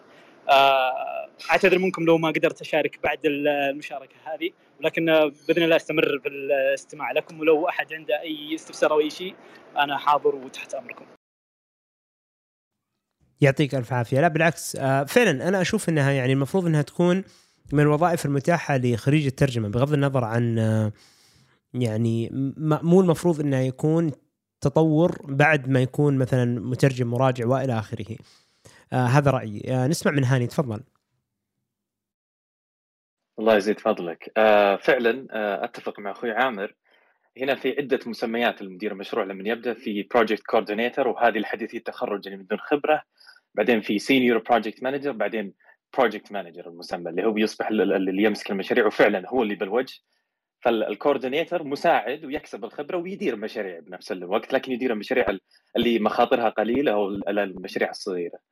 ف آه، وبصراحه ما عندي أي خبرة عن ال- ال- الوضع بالسعودية لكن بالدول الثانية أتوقع مختلفة. ودكتور كيرن دان أحد يعني آه، أكبر الكتاب في إدارة المشاريع مدير مشروع نفسه آه، كان يقول it shouldn't be المفروض إنها ما تكون وظيفة مبدئية كمدير مشاريع لكن كمساعد مدير مشاريع فعلا. هذا this is how it should وهذا ال- ال- الأفضل. بحيث انه يبدأ يتعلم ويطبق الأساسيات ال- اداره المشاريع بعدها ينطلق. لكن آه، أخوي فهد إذا تسمح لي على آه، آه، ال- لا زلتوا تسمعوني ما أدري طلع عندي صوت آه، لا نسمعك نسمعك تفضل. آه تمام معلش آم، سؤال الاخ اللي قال ال- ال- هو مرحلة انتقالية للمترجم. آه، للأمانة حتى وأنت مدير مشاريع بتبقى آه، تعتمد هل بتكون آه، تدير مشاريعك الخاصة أو بتكون تبع شركة؟ تبي تبقى آه، تمارس ال- الأدوار اللي يمارسها المترجم أو المراجع أو الجودة لأنك آه، في في مقولة trust but verify ومعروفة ولها تاريخ في في في أمريكا كذلك اللي مهما كان وكلت أفضل مترجم موجود بالسوق وأفضل مراجع بعده لا زلت لابد ان لازم بعينك بعد تقرأ وتشوف ال- ال- ال- المشروع وتأكد إنه آه، اتبع التعليمات من الألف إلى الياء. صحيح أحيانا ما عندك وقت تراجع لكن لابد من هالشيء هذا ولا زلت آه، ممكن حتى تستخدم Illustrator و Adobe packages عشان تسوي ال- ال- ال- التصميم أو توكل أحد وهنا عاد على حسب طبيعة عملك وبيئة عملك. هذه أشياء أنا صراحة أسويها الآن بالشركة اللي أشتغل معها. لا زلت أراجع النصوص العربية ولا زلت أعدل بالتصميم أحيانا لو أحتاج الأمر ذلك وخاصة لو فيه ديدلاين لازم أتبعه وتعرفون الإيميل والتواصل أحيانا يتأخر. فهذه هذه هذا تجربة بسيطة حبيت أشاركها معكم. يعطيك ألف عافية. طيب نسمع من ال- من غيوض آه، أعتقد انه عندك سؤال أو استفسار آه، أو مداخلة. ثم نسمع من الدكتور وليد بعد غيوض تفضل يا غيوض ثم الدكتور وليد. تمام. أنا عندي سؤال. أنا الحين كحديثة تخرج مثلا آه كيف ممكن أن أنضم ل- لفريق ترجمة مثلا؟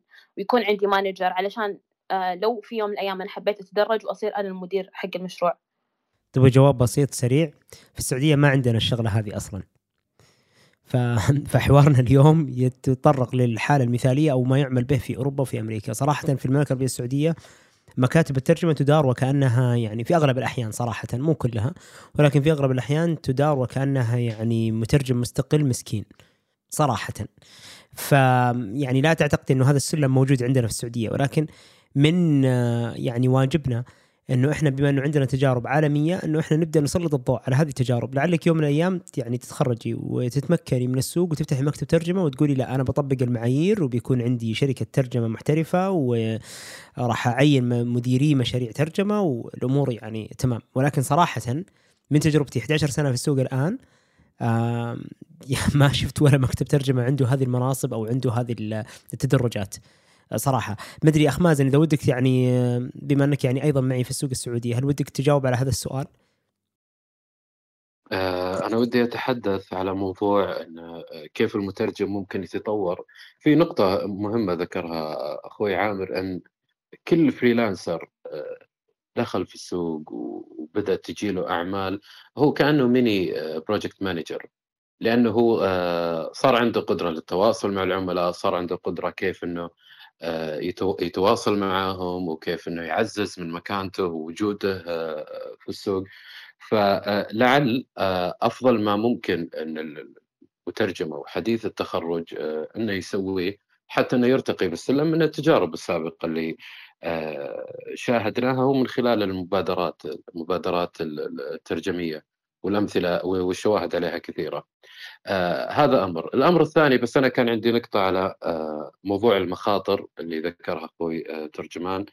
آه ربما أكبر آه خطر يواجه مدير المشروع لمترجمي المؤتمرات هو آه خسارة العميل. لأنه إذا كان مدير المشروع ما يحسن اختيار المترجمين للمؤتمر المكلف فيه آه، هذا شيء سيء.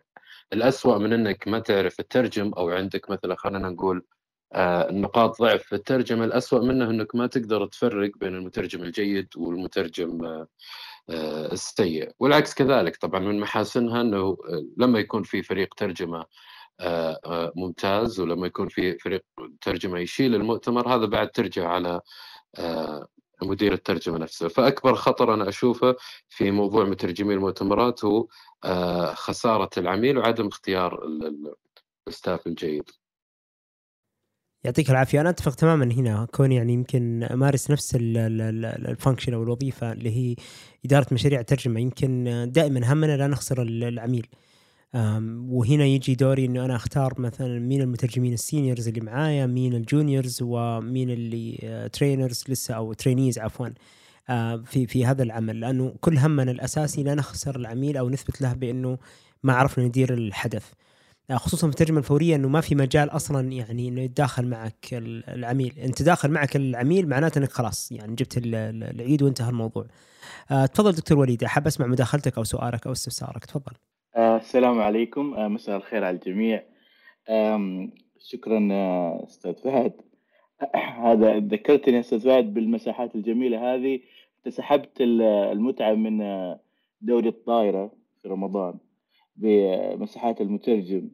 آه، فصار هو البديل لنا. فالله يعطيك العافية يعني. الصراحة جرعات جميلة آه، في هذه الليالي المباركة. فجزاك الله خير. آه، وأحيي أيضا الزملاء والزميلات الموجودين هنا. فقط أنا ودي أعقب هو تساؤل يعني.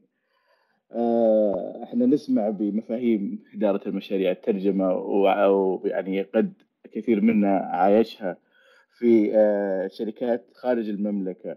ولكن تغيب عنا هنا في في في شركات الترجمة ومكاتب الترجمة السعودية.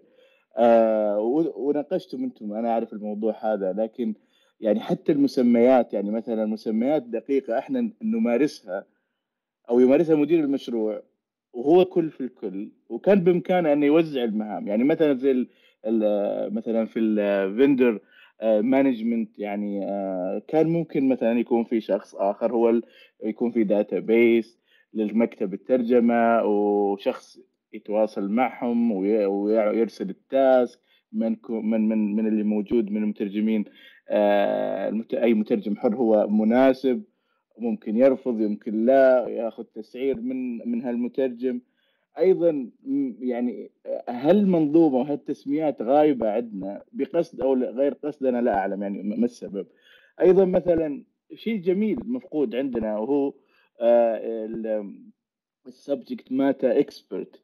يعني آه، إحنا نعترف إن المترجم آه، لديه أكيد ثقافة و background knowledge تأهل إنه يترجم في نصوص معينة لكن هذه هذه هذه الوظيفة الجميلة آه، ممكن أن أن توظف في مشاريع الترجمة لدينا بشكل جميل ونخرج ب يعني منتجات ترجمية جدا رائعة.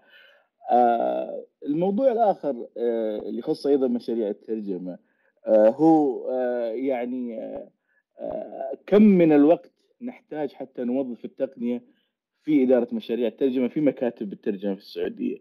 يعني هل لابد ننتظر مدة طويلة كما انتظرنا للاقتناع بالكات تولز حتى بدأنا أو قطعنا إن شاء الله نشوط أن بدأ المترجمين آه، ومكاتب الترجمة تقتنع نوعا ما آه، بها؟ هل من المفترض أن ننتظر يعني نفس المدة على مستوى إدارة المشاريع؟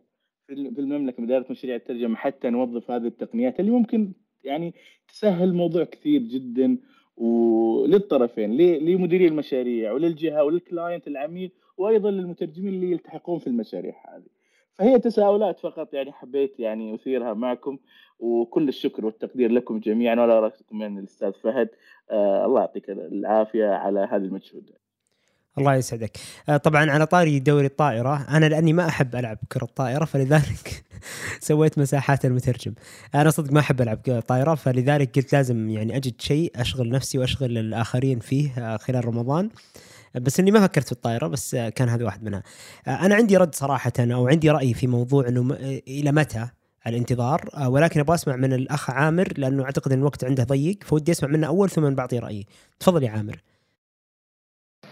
يزيد فضلك تسلم أستاذ فهد. أنا قلت لكم أعتذر عن المشاركة لأني للأمانة أنا حاليا في النادي وابغى الحق أتمرن قبل السحور وأخلص و... لكن للأمانة أن المشاركات مثرية جدا والتساؤلات مهمة جدا. فأنا بجاوب على الاخت غيوض أنا حاليا أعمل community manager لواحده من الشركات. ونزلت الإعلان قبل فترة وطلبوا مني أنه أوظف آه، خريجين سعوديين. وللأمانة ومن هذا المنبر إذا أحد وصل هذا آه، أو موجود هنا أو يعرف أحد خلوه يتواصل معي آه، أنا والله جالس أسعى بشكل ما تتخيل إنه أعطي حديثي التخرج فرصة بإنه يشتغل مع شركات أجنبية.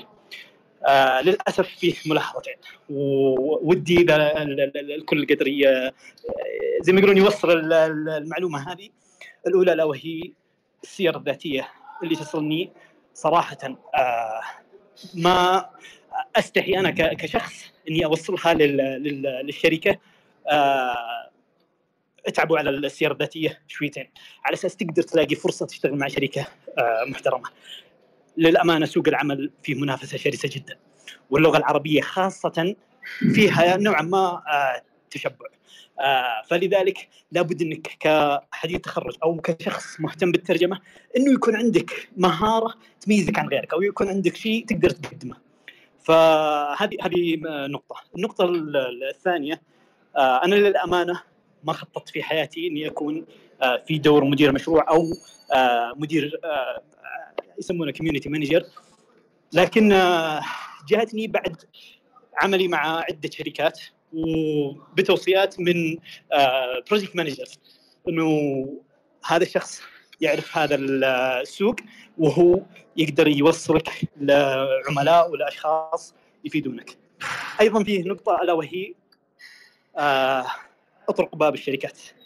لا تخاف قدم على ال ال الوظائف اللي تلاقيها حتى لو كانوا طالبين خبرة حتى لو كانوا طالبين آه، مجموعة مثلا اعتمادات أو أي شيء قدم. بعض الأحيان أو أغلب الأحيان الشركات يحطون الشروط الشبه تعجيزية هذه على أساس فعلا إنه آه، يقللون من عدد المتقدمين. وما يتقدم إلا عدد بسيط يقدرون يفلترونه بس أنت جرب حظك وقدم. فهذه النصيحتين اللي أوجهها لأي آه، شخص وده يدخل في آه، سوق العمل إنه اشتغل على سيرتك الذاتية وأيضا اشتغل على فكرة اللي أطرق باب الشركات. فعليا فيه احتياج ولكن في نفس الوقت في منافسة. لابد إنه الواحد يوزن بين الشغلتين هذه. يعطيك الف عافية. طبعا التغريدة اللي ذكر فيها آه، عامر أن طلبه بعدد من المترجمين آه، ثبتها. أنا موجودة الآن في المساحة فجميع الموجودين في المساحة بإمكانهم الوصول إليها. آه، كان التاريخ 19 3 موجود الآن. للأسف أنا أذكرني شفت التغريدة في يومها.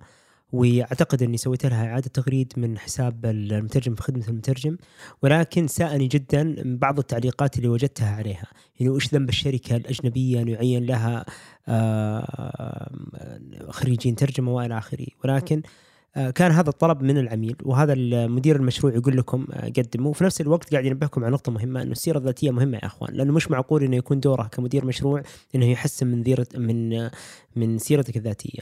فهو لاحظ إنه هو طلب منكم شيئين. الشيء الأول خصوصا خريجي خريجي التخصص إنه يقدم أو يبادر آه، بتقديم. حتى لو كانت الفرصة غير مؤاتية أو غير مناسبة لتقديمها ولكن أيضا يا أخي آه، اتعب على سيرتك الذاتية. فأتمنى منكم يعني معاونة الزميل عامر في في حال اهتمامكم بالتقديم بسيرة ذاتية آه، جميلة أو أو خلينا نقول ريبريزنتيف ممثلة لك لشخصيتك لعملك لمهاراتك. وأيضا نشر هذا الإعلان لمن تعتقد أنه يستحق الحصول على هذه الفرصة أو مهتم بها.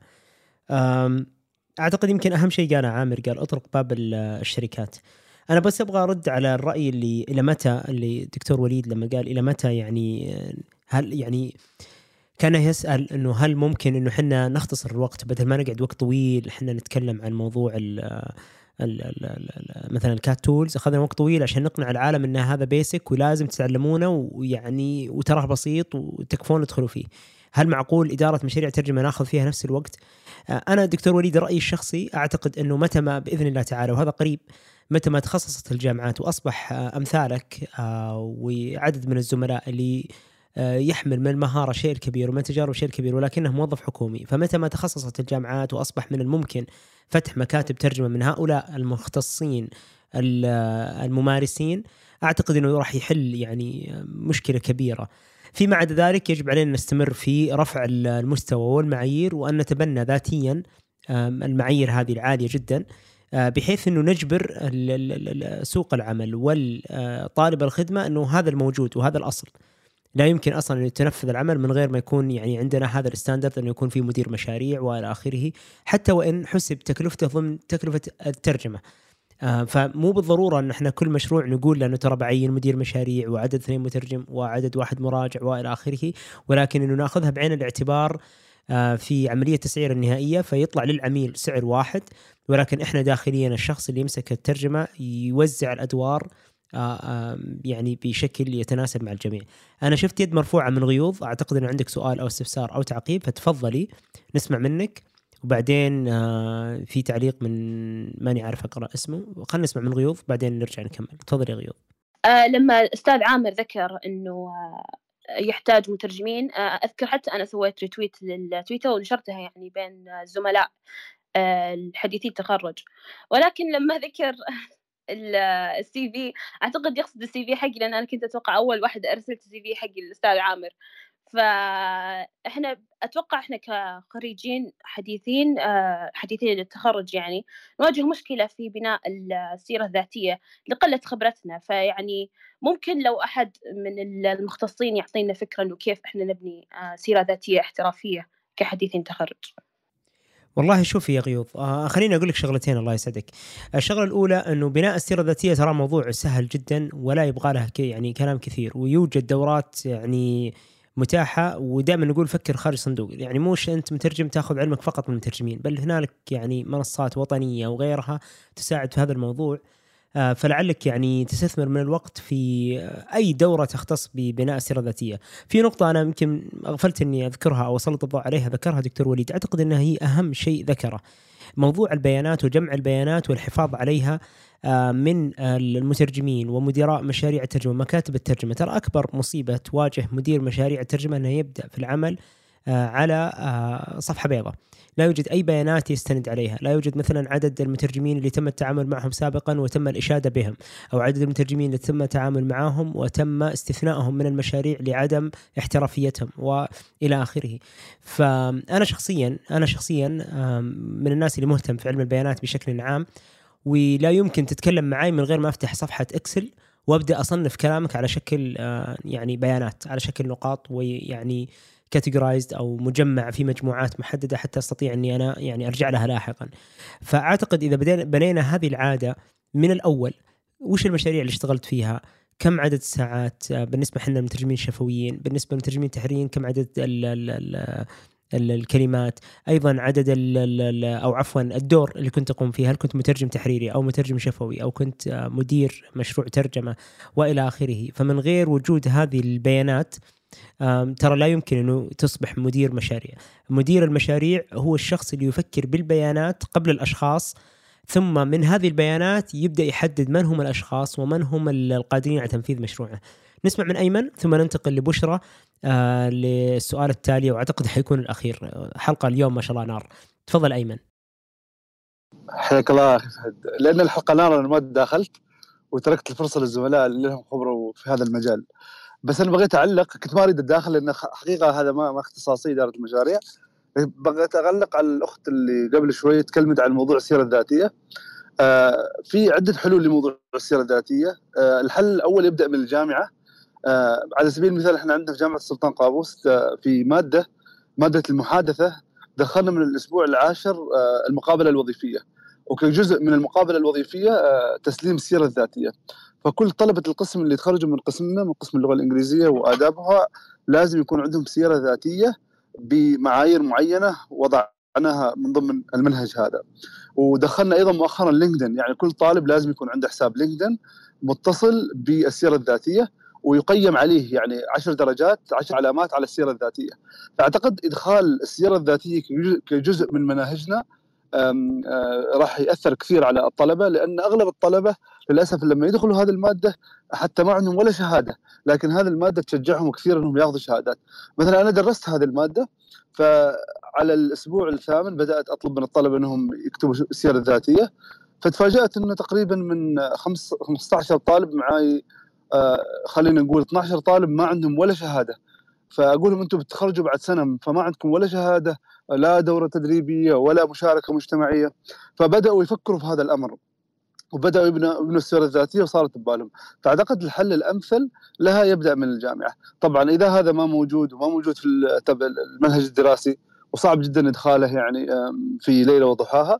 أعتقد إن الجماعات الطل- الطلابية يكون لها دور بقيادة الأساتذة مثل الدكتور وليد. ممكن إن يعني في في جامعته أو الأساتذة الثانيين الزملاء انهم يعملوا ورش للسيره الذاتيه. إحنا نسميها في الجامعة عيادة السيره الذاتية.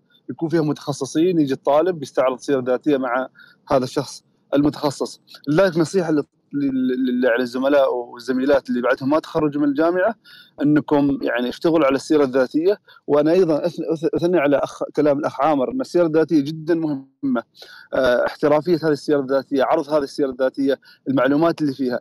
أصلا أنا وأنا طالب إذا وضعت ببالي إن أنا عندي سيرة ذاتية لازم أشتغل عليها بشتغل على إنجازات أضعها في سيرتي الذاتية. ودائما نخطط للمستقبل. أنا وش أريد أكون؟ يعني كنت أقول لطلبتي في بداية هذا الفصل لازم تخططوا لنفسكم وش تريد تكونوا بعد التخرج؟ وتبنوا نفسكم لذيك اللحظة. ما تنتظروا لحظة التخرج اللي تخرجوا فيها وأنتم ما عندكم تلك المهارات. مثلا على سبيل المثال أحد الطلبة يريد يشتغل مثلا في التدريس الجامعي وهو بتخصص الادب ال- الإنجليزي. طبعا الأدب الإنجليزي إذا تريد تدرس آه، في جامعات في عمان لازم يكون عندك سلته فأقول له خطط للسلته من اليوم آه، ما حتى ماديا تخطط لها من اليوم. تريد تكون مثلا تشتغل في منظمة أممية المنظمات الأممية لازم تكون عندك لغة ثالثة. واهمها اللغة الفرنسية لازم تخطط للفرنسيه من اليوم. لذلك السيره الذاتيه مهم جدا موضوعها ويبدأ مننا أعتقد إحنا كأكاديميين يعني مش مسؤوليتنا فقط ان نعطي الطالب المعلومة وإنما أيضا نرشده إلى ما بعد آه، التخرج. هذا اللي بغيت أقوله في موضوع السيره الذاتية. طيب مبروك تورطنا إحنا الأكاديميين السعوديين. صار عندنا تكليف من ال- الأستاذ أيمن أو الدكتور أيمن إنه فعلا وأنا صراحة يعني أتفق معاه يعني بشدة إنه ممكن جزء من موادنا آه، إنه إحنا يعني على الأقل آه، نثقف بأهمية السيرة الذاتية والامور هذه وممكن حتى نرفع آه، بهذه الاقتراحات لمجالس ال- آه، لمجالس الأقسام بأن إضافة مواد مثل هذه أو إضافة modules أو دروس في شأنها. آه، تفضل أعتقد إنه كان في يد مرفوعة من نايف أعتقد في يد كانت مرفوعة من نايف كان يبغى يتدخل مع الأستاذ أيمن تفضل.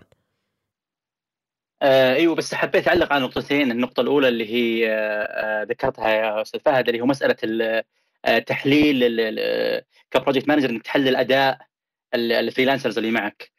ال- آه، الشركات اللي يعمل معها يعني في شركة منهم تقريبا مستمر معهم الآن من سنتين أو ثلاث سنوات كل شهر يرسلون تقرير لل LSP على أداء LSP بشكل كامل من project manager وال freelancers فيعطيهم indic- فيعطينا indication إذا إحنا مقصرين في ناحية أو مثلا يصير shifting في المهام مثلا نلاحظ إن مثلا المشروع ضخم موزع على أربع أو خمس شركات فوجدوا مثلا إن الشركة هذه ال analytics حقتهم تدلنا إنهم آه، ترج- ترجمتهم أجود بينما مثلا ال LSP الثاني مثلا في المراجعة آه، أجود فبالتالي يصير shift في في, ال- في ال tasks بينهم.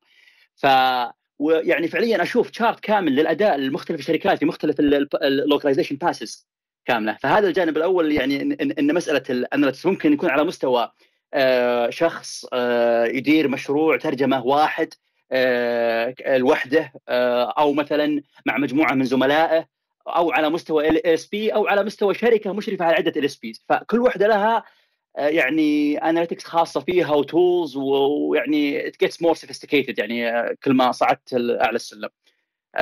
فهذه الأجزاء لازم ندركها فأنت لما تتعامل ك freelancer مع project manager لازم تدرك إن أيضا أدائهم يقيم بناء على عملك أنت. فيعني آه، بيأثر عليهم أدائك إذا كان سلبي أو إيجابي. آه، النقطة الثانية مسألة ال- ال- اللي سألت ال- الأخت عن التحضير آه، في ال في ال ك- كطالب خريج. يعني أنا بدخل بتجربتي أنا الشخصية. يعني أنا في 2006 دخلت الجامعة ما عندي حتى لابتوب نهائيا. آه، طلعت من السنتين الأولى آه، دخلت مع آه، كونا مجموعة تعريب ال- ال- التطبيقات ال- الجوال. ذيك الأيام كان يمكن يعرفون يمكن يمكن يبين آه، كبر عمري. أيام ال- ال- ال Symbian OS كان على الجوالات النوكيا 6630 6370 اللي كانت تعرف بالباندا والدمعة وال- والفارس.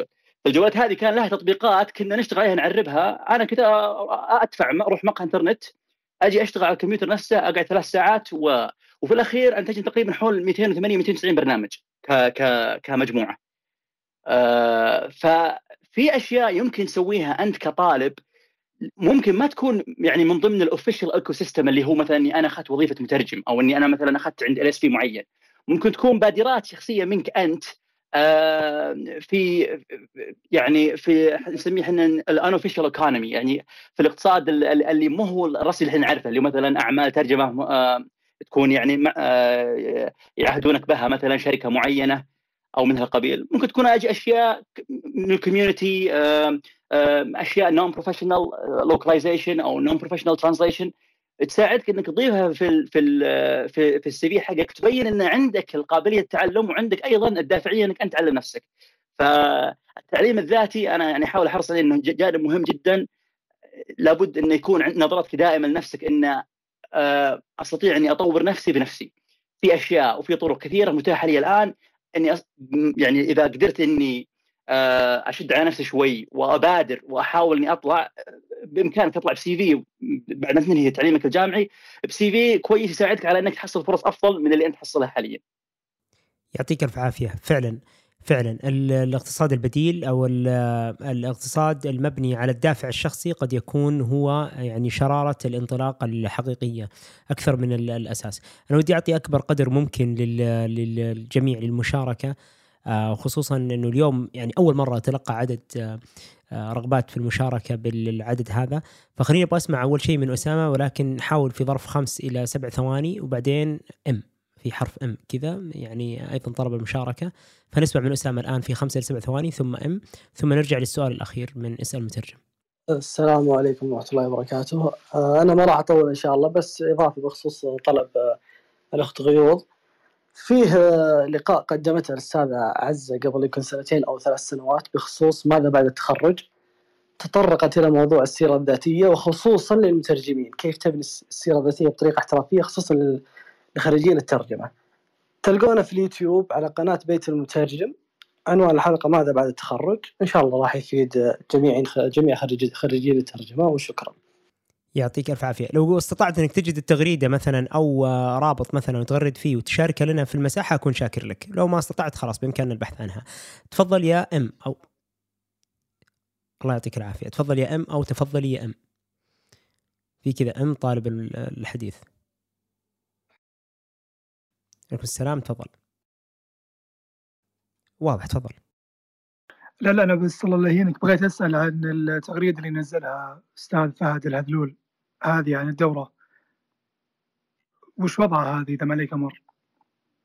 ما لها وضع. هي آه، أنا تحدثت عنها وطلبوا الرابط تبعها. هذه شهادة في اللوكاليزيشن يعني في مهارة من مهارات الترجمة اللي هي ال localization. مدتها تسعة أشهر في جامعة واشنطن.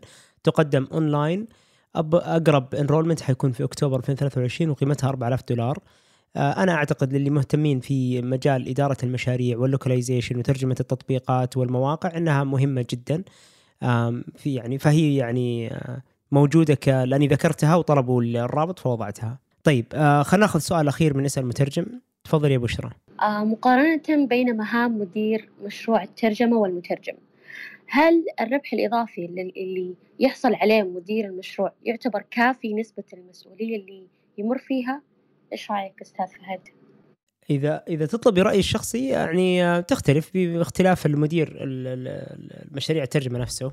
يعني مثلا في الترجمة الشفوية يعني مو كل مرة أنت بتقول تراني مدير تراني مدير لا بعض الأحيان أنت لما تستلم المشروع آه خلاص أنت تعرف إنه مثلا بحاجة أربع مترجمين أو هكذا. فتبدأ أنت تنسق مثلا تأخذ ميزانية موحدة وتقسم المهام. ولكن يمكن الشيء المهم اللي يمكن أذكره أنا آه بالنسبة لي على الأقل إنه لما تمسك دور مدير مشاريع الترجمة أنك تقوم به فعليا. مش ما, ما تكون فقط يعني تاجر شنطة اللي تأخذ المبلغ الكبير وتقسم بين الزملاء وخلاص بل أنك يعني تقوم بالدور الإضافي في في الميدان آه بأنك يعني تحمي المترجم من اللغط اللي ممكن يحصل من العميل أو من العميل النهائي اللي هو مستمع الترجمة. وأيضا تسهل للمترجم طلباته واحتياجاته آه تنسق بين آه إصلاح ذات البين بين المترجمين والمترجمات في حال إنه صار في اختلاف بينهم وإلى آخره. آه، فهذا كله المفروض إنه يبرر يعني دورك. كون إنه الربح يسوى أو ما يسوى أنا بالنسبة لي أنظر لها بمنظور مختلف. أفضل ان أعمل في مشروع يكون فيه مدير ترجمة وينقص حقي كمترجم ولا إني أشتغل في مشروع ما فيه مدير ترجمة وتعاملنا إحنا الأربعة والخمسة مع طالب الخدمة. لأنه ما يعني الفرق المفروض إنه يكون مدير مشاريع ترجمة يكون عنده خبرة ووعي كافي في إنه وش اللي يحتاجه المترجم ويسهل هذه الأمور فيمكن يعني الربحية بالنسبة لي ما هي هي الأهم ولكن إنه تخرج بتجربة مثالية للمترجم ولطالب الخدمة. هذا يمكن منظور بالنسبة لي أنا في الترجمة الفورية وفي المشاريع اللي أنا مسكتها. ودي أسمع من مازن إذا وده يشارك لأنه يمكن عنده تجارب يعني أكبر مني وأطول مني في موضوع الترجمة الفورية. ثم إذا سمحوا لي الأخوان نايف عامر أو هاني يعطونا أيضا دورهم أو رأيهم في هذا السؤال. طبعا سؤالك كان إنه وش الفرق بين المترجم كمدير مشروع أو كمترجم وإذا كان في الربح يسوى أصلا الواحد يعطي نفسه الترقية أو لا. أنا بخصوص الترجمة الفورية سأتحدث إنه آه، ما هو فقط يعني آه، العنصر المادي هو اللي يخلي المترجم يطمح يكون مدير ترجمة أو لا. لأن أحيانا ترى المترجم يأخذ حقه مدير المشروع هو اللي يجلس فترة طويلة ما يجي شيء. فبالعكس هي فيها هدك كثير. لأن زي ما تفضلت أنت أستاذ فهد أنه ترجمة الإدارة الفورية أو مشاريع آه، إدارة الترجمة الفورية بتخليك تلقائيا تأخذ أكثر من مهمة من ناحية من ناحية التواصل مع العميل من ناحية quality assurance من النوع من حتى آه، من ناحية التأكد من وصول المترجمين وغيره. فالمترجم هذا يعني اللي أنا أشوفه وأنا ما انحديت على إدارة الترجمة لو ما طلب مني يعني هو ما هو شيء اللي أنا آه، سعيت له. آه، المترجم هو اللي يوصل حقه هو اللي يتأكد من حقه طالما إنه أدى هذه الترجمة وادى هذه المهام. بعكس مدير الترجمة اللي ممكن إنه ياخذ بروسس طويل آه، على بال ما آه، يوصل حقه. فبالعكس أنا ما أشوفه شيء مطمع ما أشوفه شيء يخلي الواحد فعلا يتشجع إنه يكون مدير مشروع. آه، بالفعل خصوصا في جانب المستحقات يعني مثلا أنا أنا أكثر مدير ترجمة يزعجني اللي يجي ينسق حقوق يجي ينسق مثلا فعالية ترجمة ويكون متفق معنا كمترجمين على مستحقات محددة ثم إذا جينا نقول له طيب إحنا ترجمنا يلا متى تدفع الحقوق؟ يقول لك دفع العميل ترى إيش دخلني دفع العميل؟ يعني ما دامك أنت كنت المدير وأنت اللي يعني نفذت المشروع فالمفروض إنك أنت الآن آه، مسؤول أمامنا. ودي أسمع من أيمن اولا ثم أنتقل لهاني. تفضل يا أيمن. آه، بالنسبة لي أنا يعني أكثر شغلي كان freelancer بس آه، في بعض المشاريع جتني مباشرة وأدرتها بنفسي شخصيا. آه، استأجرت الأجهزة بنفسي استأجرت المترجمين بنفسي وكنت أيضا مترجم في الفعالية. فحقيقة يعني إذا ما كنت متفرغ وعندك وقت فراغ كبير فإدارة المشاريع آه، تحتاج متابعة. يعني آه، أنا صراحة صرت أفضل شخصيا إني أشتغل ك freelancer بسبب إني أنا ما يعني ما عندي وقت الفراغ الكافي اللي اني أتابع العملاء على سبيل المثال في مسألة الدفع في مسألة الفوترة في مسألة ففيها عمليات أخرى غير آه، يعني عملية الترجمة. أيضا ضمان إن فريق العمل يوصل في الوقت وضمان إن المستندات تكون معاهم وإن الترجمة تتم على أتم وجه وتركيب الأجهزة ويعني وتبطيلها وإلى آخره. فكل هذه الأشياء يعني آه، تأخذ من المترجم وقت. لذلك أهم عامل في إدارة المشاريع إن الشخص يكون متفرغ نوعا ما. يعني ما شرط إنه يكون يعني مثلا آه، متفرغ من العمل. مثلا يأخذ إجازة في تلك الفترة ويتفرغ لها كليا. هذه المهمة مهمة إدارة المشروع نفسه. لأنه شخصيا مررت بها تقريبا يمكن ثلاثة أو أربع مرات ومنها يعني مرات كانت ناجحة جدا. ماديا استفدت والعام أكثر يعني يمكن يكون ضعف المبلغ اللي كنت أستلمه وأنا مترجم. آه لكن كانت لها تبعات تبعات أخرى. آه لذلك أنصح بها للشخص اللي عنده قدرات في الإدارة وأيضا تكلمت أستاذ فهد عن الذكاء العاطفي عن المهارات الإدارية لاداره الفريق فأنا اشجع عليها اشجع عليها كثير و وفي وفيها مكسب مادي يعني آه خاصة إذا ادرت مشروع ترجمة فوريه أنا ما أتكلم عن الترجمه التحريريه الترجمه الفوريه إدارتها خاصة معنا في عمان لها مكسب قوي جدا يعني. يعطيك العافية. نسمع من هاني ثم ترجمان. شكرا لك أستاذ فهد. آه صراحة السؤال آه، جدا رائع اللي هو ليش هل هل أختار أتقدم وأكون مدير مشاريع أو ابقى مترجم تحريري أو فوري. أنا أتكلم عن مجال الترجمة التحريرية. آه للأمانة طبيعة المترجمين معروفين خلف شاشة الكمبيوتر انه انطوائي وينهي المشاريع بالنص ويسلمها لمدير المشروع. آه لكن مدير المشروع آه بالجانب الآخر في ضغط كبير و stress عالي بالمهمة نفسها. لازم تكون alert آه لازم تكون فعال ولازم تتواصل. دائما معهم. أنا شخصيا اخترت إدارة المشاريع لأنه هذا شغفي. أحب أشتغل مع الناس وأحب آه، أتعامل مع أكثر من فرد وكذلك أتعامل مع العملاء والأشياء هذه. فتعتمد على توجهك و... وماديا كذلك تعتمد على أهدافك. آه، وممكن تتدخل ك freelancer أكثر من أي مدير مشروع. والعكس صحيح مدير مشروع قد يكون مدير مشروع فريلانسر وقد يكون كذلك مدير مشروع تبع شركة وراتب. فلا بد تنظر لها بتوجهك ولا بد تنظر لها بالفرص المتاحة وكذلك قدراتك والمهارات اللي لازم لابد تشتغل عليها. آه، لابد تكون واقعي مع نفسك اولا وأخيرا. آه، أعطيكم موقف حصل لي آه، للأمانة في إدارة المشاريع أنت ما تدير فقط نصوص وما تدير فقط عملية تنتقل من. دائرة تعرفون سلسلة الترجمة. من مترجم لمراجع وبعدين عاد لل quality أو الجودة بعدين تسليم المشروع. عندك شيء اسمه conflict resolution حصل لي موقف مع مترجم آه، باللغة الحمد لله مو باللغة العربية فتلفظ على آه، ال help desk أو المساعدين حقين ال CAT tool اللي نستعملها تلفظ عليهم لأنها حصل معاه خطأ في إدارة الجودة language quality assurance وتأخروا عليه فتلفظ عليهم كان معصب ويبدو إنه تحت ظروف. ف كيف الدور يعني الآن ممثل الشركة وكيف إحنا شركة نحافظ على علاقتنا مع ال CAT tool هذه وكيف نحل المشكلة ونكسب ال CAT tool؟ كذلك المترجم لا نزال نبقى نكسبه آه، ما, ما نقول مع السلامة على طول. فكان فيها استراتيجية وللأمانة مو أنا اللي حليتها مديرتي اللي حلتها. again آه، مدير المشاريع فوق المدير الآخر مثل ما قلت يا أستاذ فهد. ف تتخلل آه، إدارة المشاريع مسؤوليات أكبر فأرجع وأقول it's all up to you وتوجهاتك. بالضبط بالضبط. أنا أتفق معك تماما. ذكرتني بموقف صار معي قبل فترة قريبة صراحة. آه، كان عندي مشروع في العلا وأنا في بريطانيا وقتها والعميل شركة بريطانية أمريكية. فباختصار شديد إنه خلاص أنا يعني كان من ضمن تعاقداتي موفري الأجهزة والفنيين الصوت وأيضا الموفري ال booth ات أو القمر الترجمة وأيضا المترجمين. الكل وصل على الموعد وإلى آخره كل شيء تمام. اليوم اللي يسبق الفعالية وهذا ضمن يعني المعايير اللي أنا أحطها في مشاريعي واللي هي تقريبا يعني standard practice اللي هو قبل بيوم يتم تنفيذ اختبار عام rehearsals على الأجهزة فنيا الصوت كل شيء يكون تمام. العميل سوى sign off قال لي خلاص كل شيء تمام يعطيك العافية بكرة تجون على الوقت ونبدا الترجمة. اللي حصل في يوم الترجمة إن طلبوا إن الترجمة تكون آه، بصيغة محددة فنية يعني إنه كل لغة تكون على قناة محددة ويعني من الكلام هذا. طبعا فني ال- ال- الصوت اللي عندي كان يقول أنا لا يمكنني أن أنفذ هذا الطلب لأنه يعني لا يمكن. يقول أجهزتي ما يعني ما تنفذ هذا الطلب.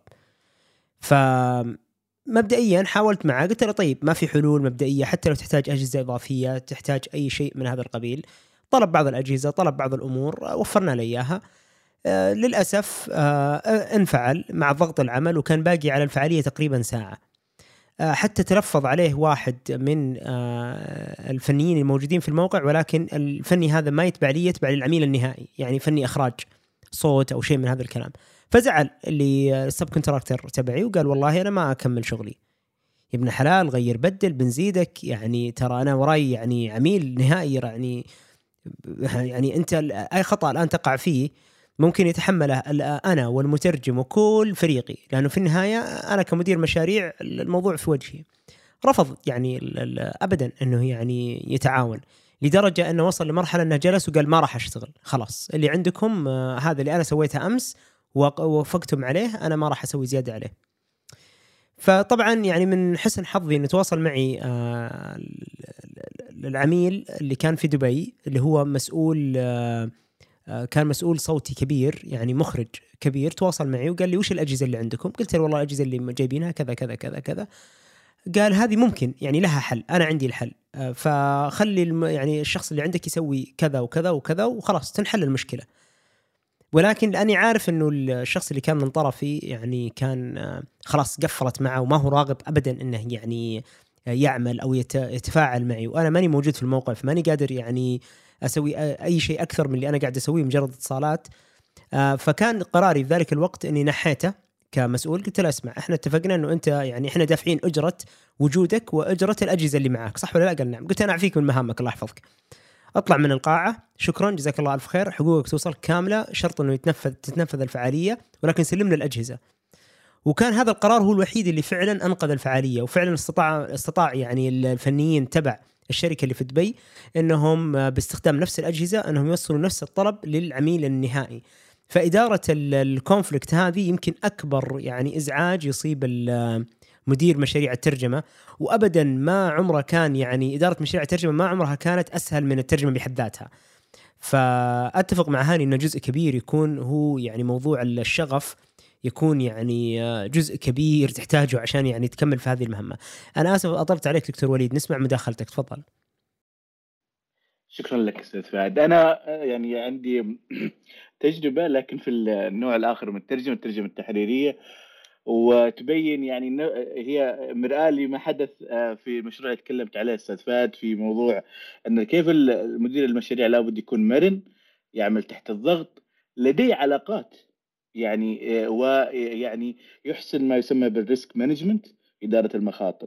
لأن مثلا خلال ال- المشروع اللي يتكلم عنه مثلا آه، اعتذر أحد المترجمين في يعني في بداية المشروع. ما قدر يكمل لظرف حصل له. فكيف أنت في هذا في هذا الوقت الصعب آه، يعني آه، تعمل اتصالاتك وتقنع مترجم إن في ديدلاين آه، طبعا أقل من من في محدود في الأيام لأنه already بدأ المشروع وال deadline أقرب صار. كيف تقنع مترجم آه، جديد ويدخل على طول في الجو المشروع وفي في النص آه، ويبدأ يترجم.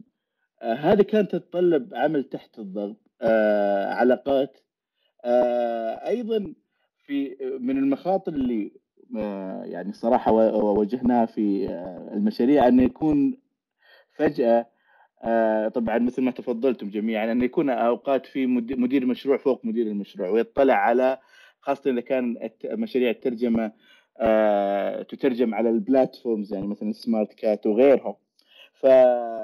فيطلع على على جودة الترجمة يعني بشكل آه، يعني آه، آلي وفي نفس الوقت.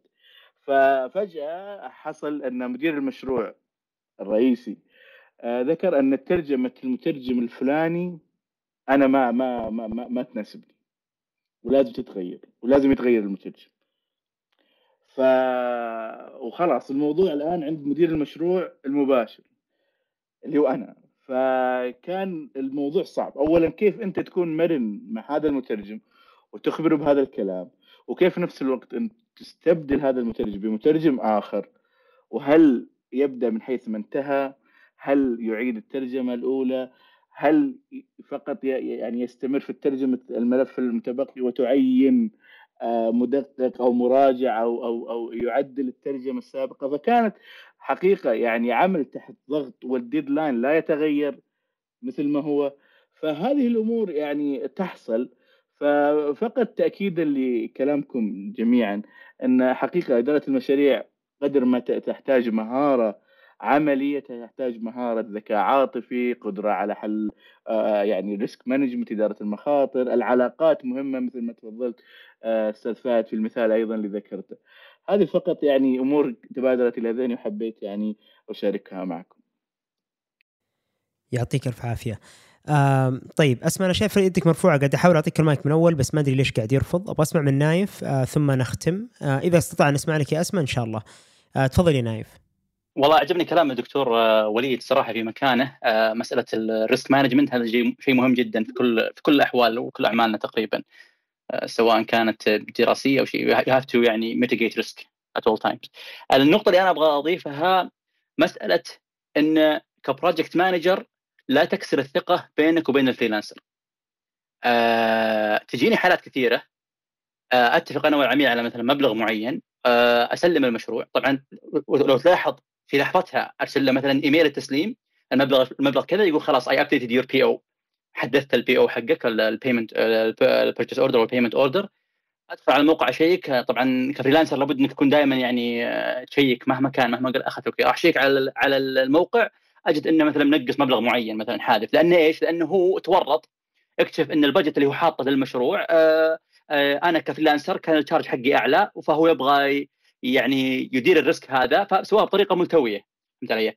فصرت أنا الآن طبعا أرسلت له إيميل وضحت قلت له يعني إنه يعني هذا ما هي ما هي طريقة professional تتعامل معها مع freelancer وكان فيها توبيخ آه فبعدها صرت أي شغل أشتغل معها أدقق وراه يعني حرفيا في كل في كل شيء وأوثق كل شيء لأن الثقة اللي بيني وبين ال project manager انكسرت في الحالة هذه ف نصيحتي يعني اللي بيعمل في نطاق ال project management يتأكد إنه يحاول لا يكسر الثقه والثقه بينه وبين ال freelancer. لأنه لو كسر لو كسر الثقة بينه وبين ال freelancer ال freelancer ده هذا عنده colleagues and he talks to they share يعني each other. يعني إنه مثلا ال project manager هذا انتبه منه ترى ما هو امين الصراحه في الناحية الناحية المادية أو مثلا مهمل أو ف هذه ناحية مهمة جدا لابد من نراعيها يعني إذا أنت تفكر إنك تشتغل ك project management بشكل عام آه، حاول إنك تتعامل يعني على قولتهم end up up أنا آسف قاطعتك بس أعتقد اللي يوم قلتها موضوع إن لا تكسر الثقة بينك وبين الفريلانسرز أو زملائك المترجمين لأن ترى المشروع بداله ألف مشروع. أنا أتفق تماما معاك وأهديك هذه. حرفيا هذا شعوري لما سمعت الكلام هذا. آه، أيضا يعني من جانب انه كمدير مشاريع أنت لازم إنك توافق بين شيئين هذه. إنك لا تفقد الثقة بينك وبين الزملاء المترجمين لأن العميل بداله ألف عميل. وأيضا في نفس الوقت توازن العكس تماما بأن العميل أنت تبغى تحافظ عليه وتبغى تعطيه أفضل جودة ممكنة. فلما تمسك دور مدير مشاريع ترجمة مهم جدا إنك أنت آه، تضمن حق المترجم وتضمن حق العميل وإنك تكون أنت حلال المشاكل بينهم الاثنين. آه، أنا أتفق تماما معك يا نايف وواجهنا كثير من المشاكل لولا الله ثم الزملاء والزميلات يمكن ما تجاوزناها. وبعض الأحيان العكس صحيح بعض الزملاء والزميلات ما بيضوها فأنت تحتاج أنك يعني تحلها مع العميل. آه، فشكرا شكرا لهذه الإضاءة يعني اللي ما انتبهت لها. أسماء تفضلي كنت تنتظري من زمان. وبعدين نبغى نختم في كلمة مع مع الزملاء مدراء المشاريع اللي موجودين عندنا. عامر إذا كان يسمح لك الوقت. هاني آه، والدكتور وليد إذا حبيت تضيف شيء في ظل خمس ثواني. بس نسمع من أسماء أول. تفضلي أسماء. أشكرك جزيلا. أولا أنا الآن فهمت أن حضرتك أستاذ فهد الهبلول نفس اللي أنا لأني شفت حسابك فما توقعت نفس الشخص.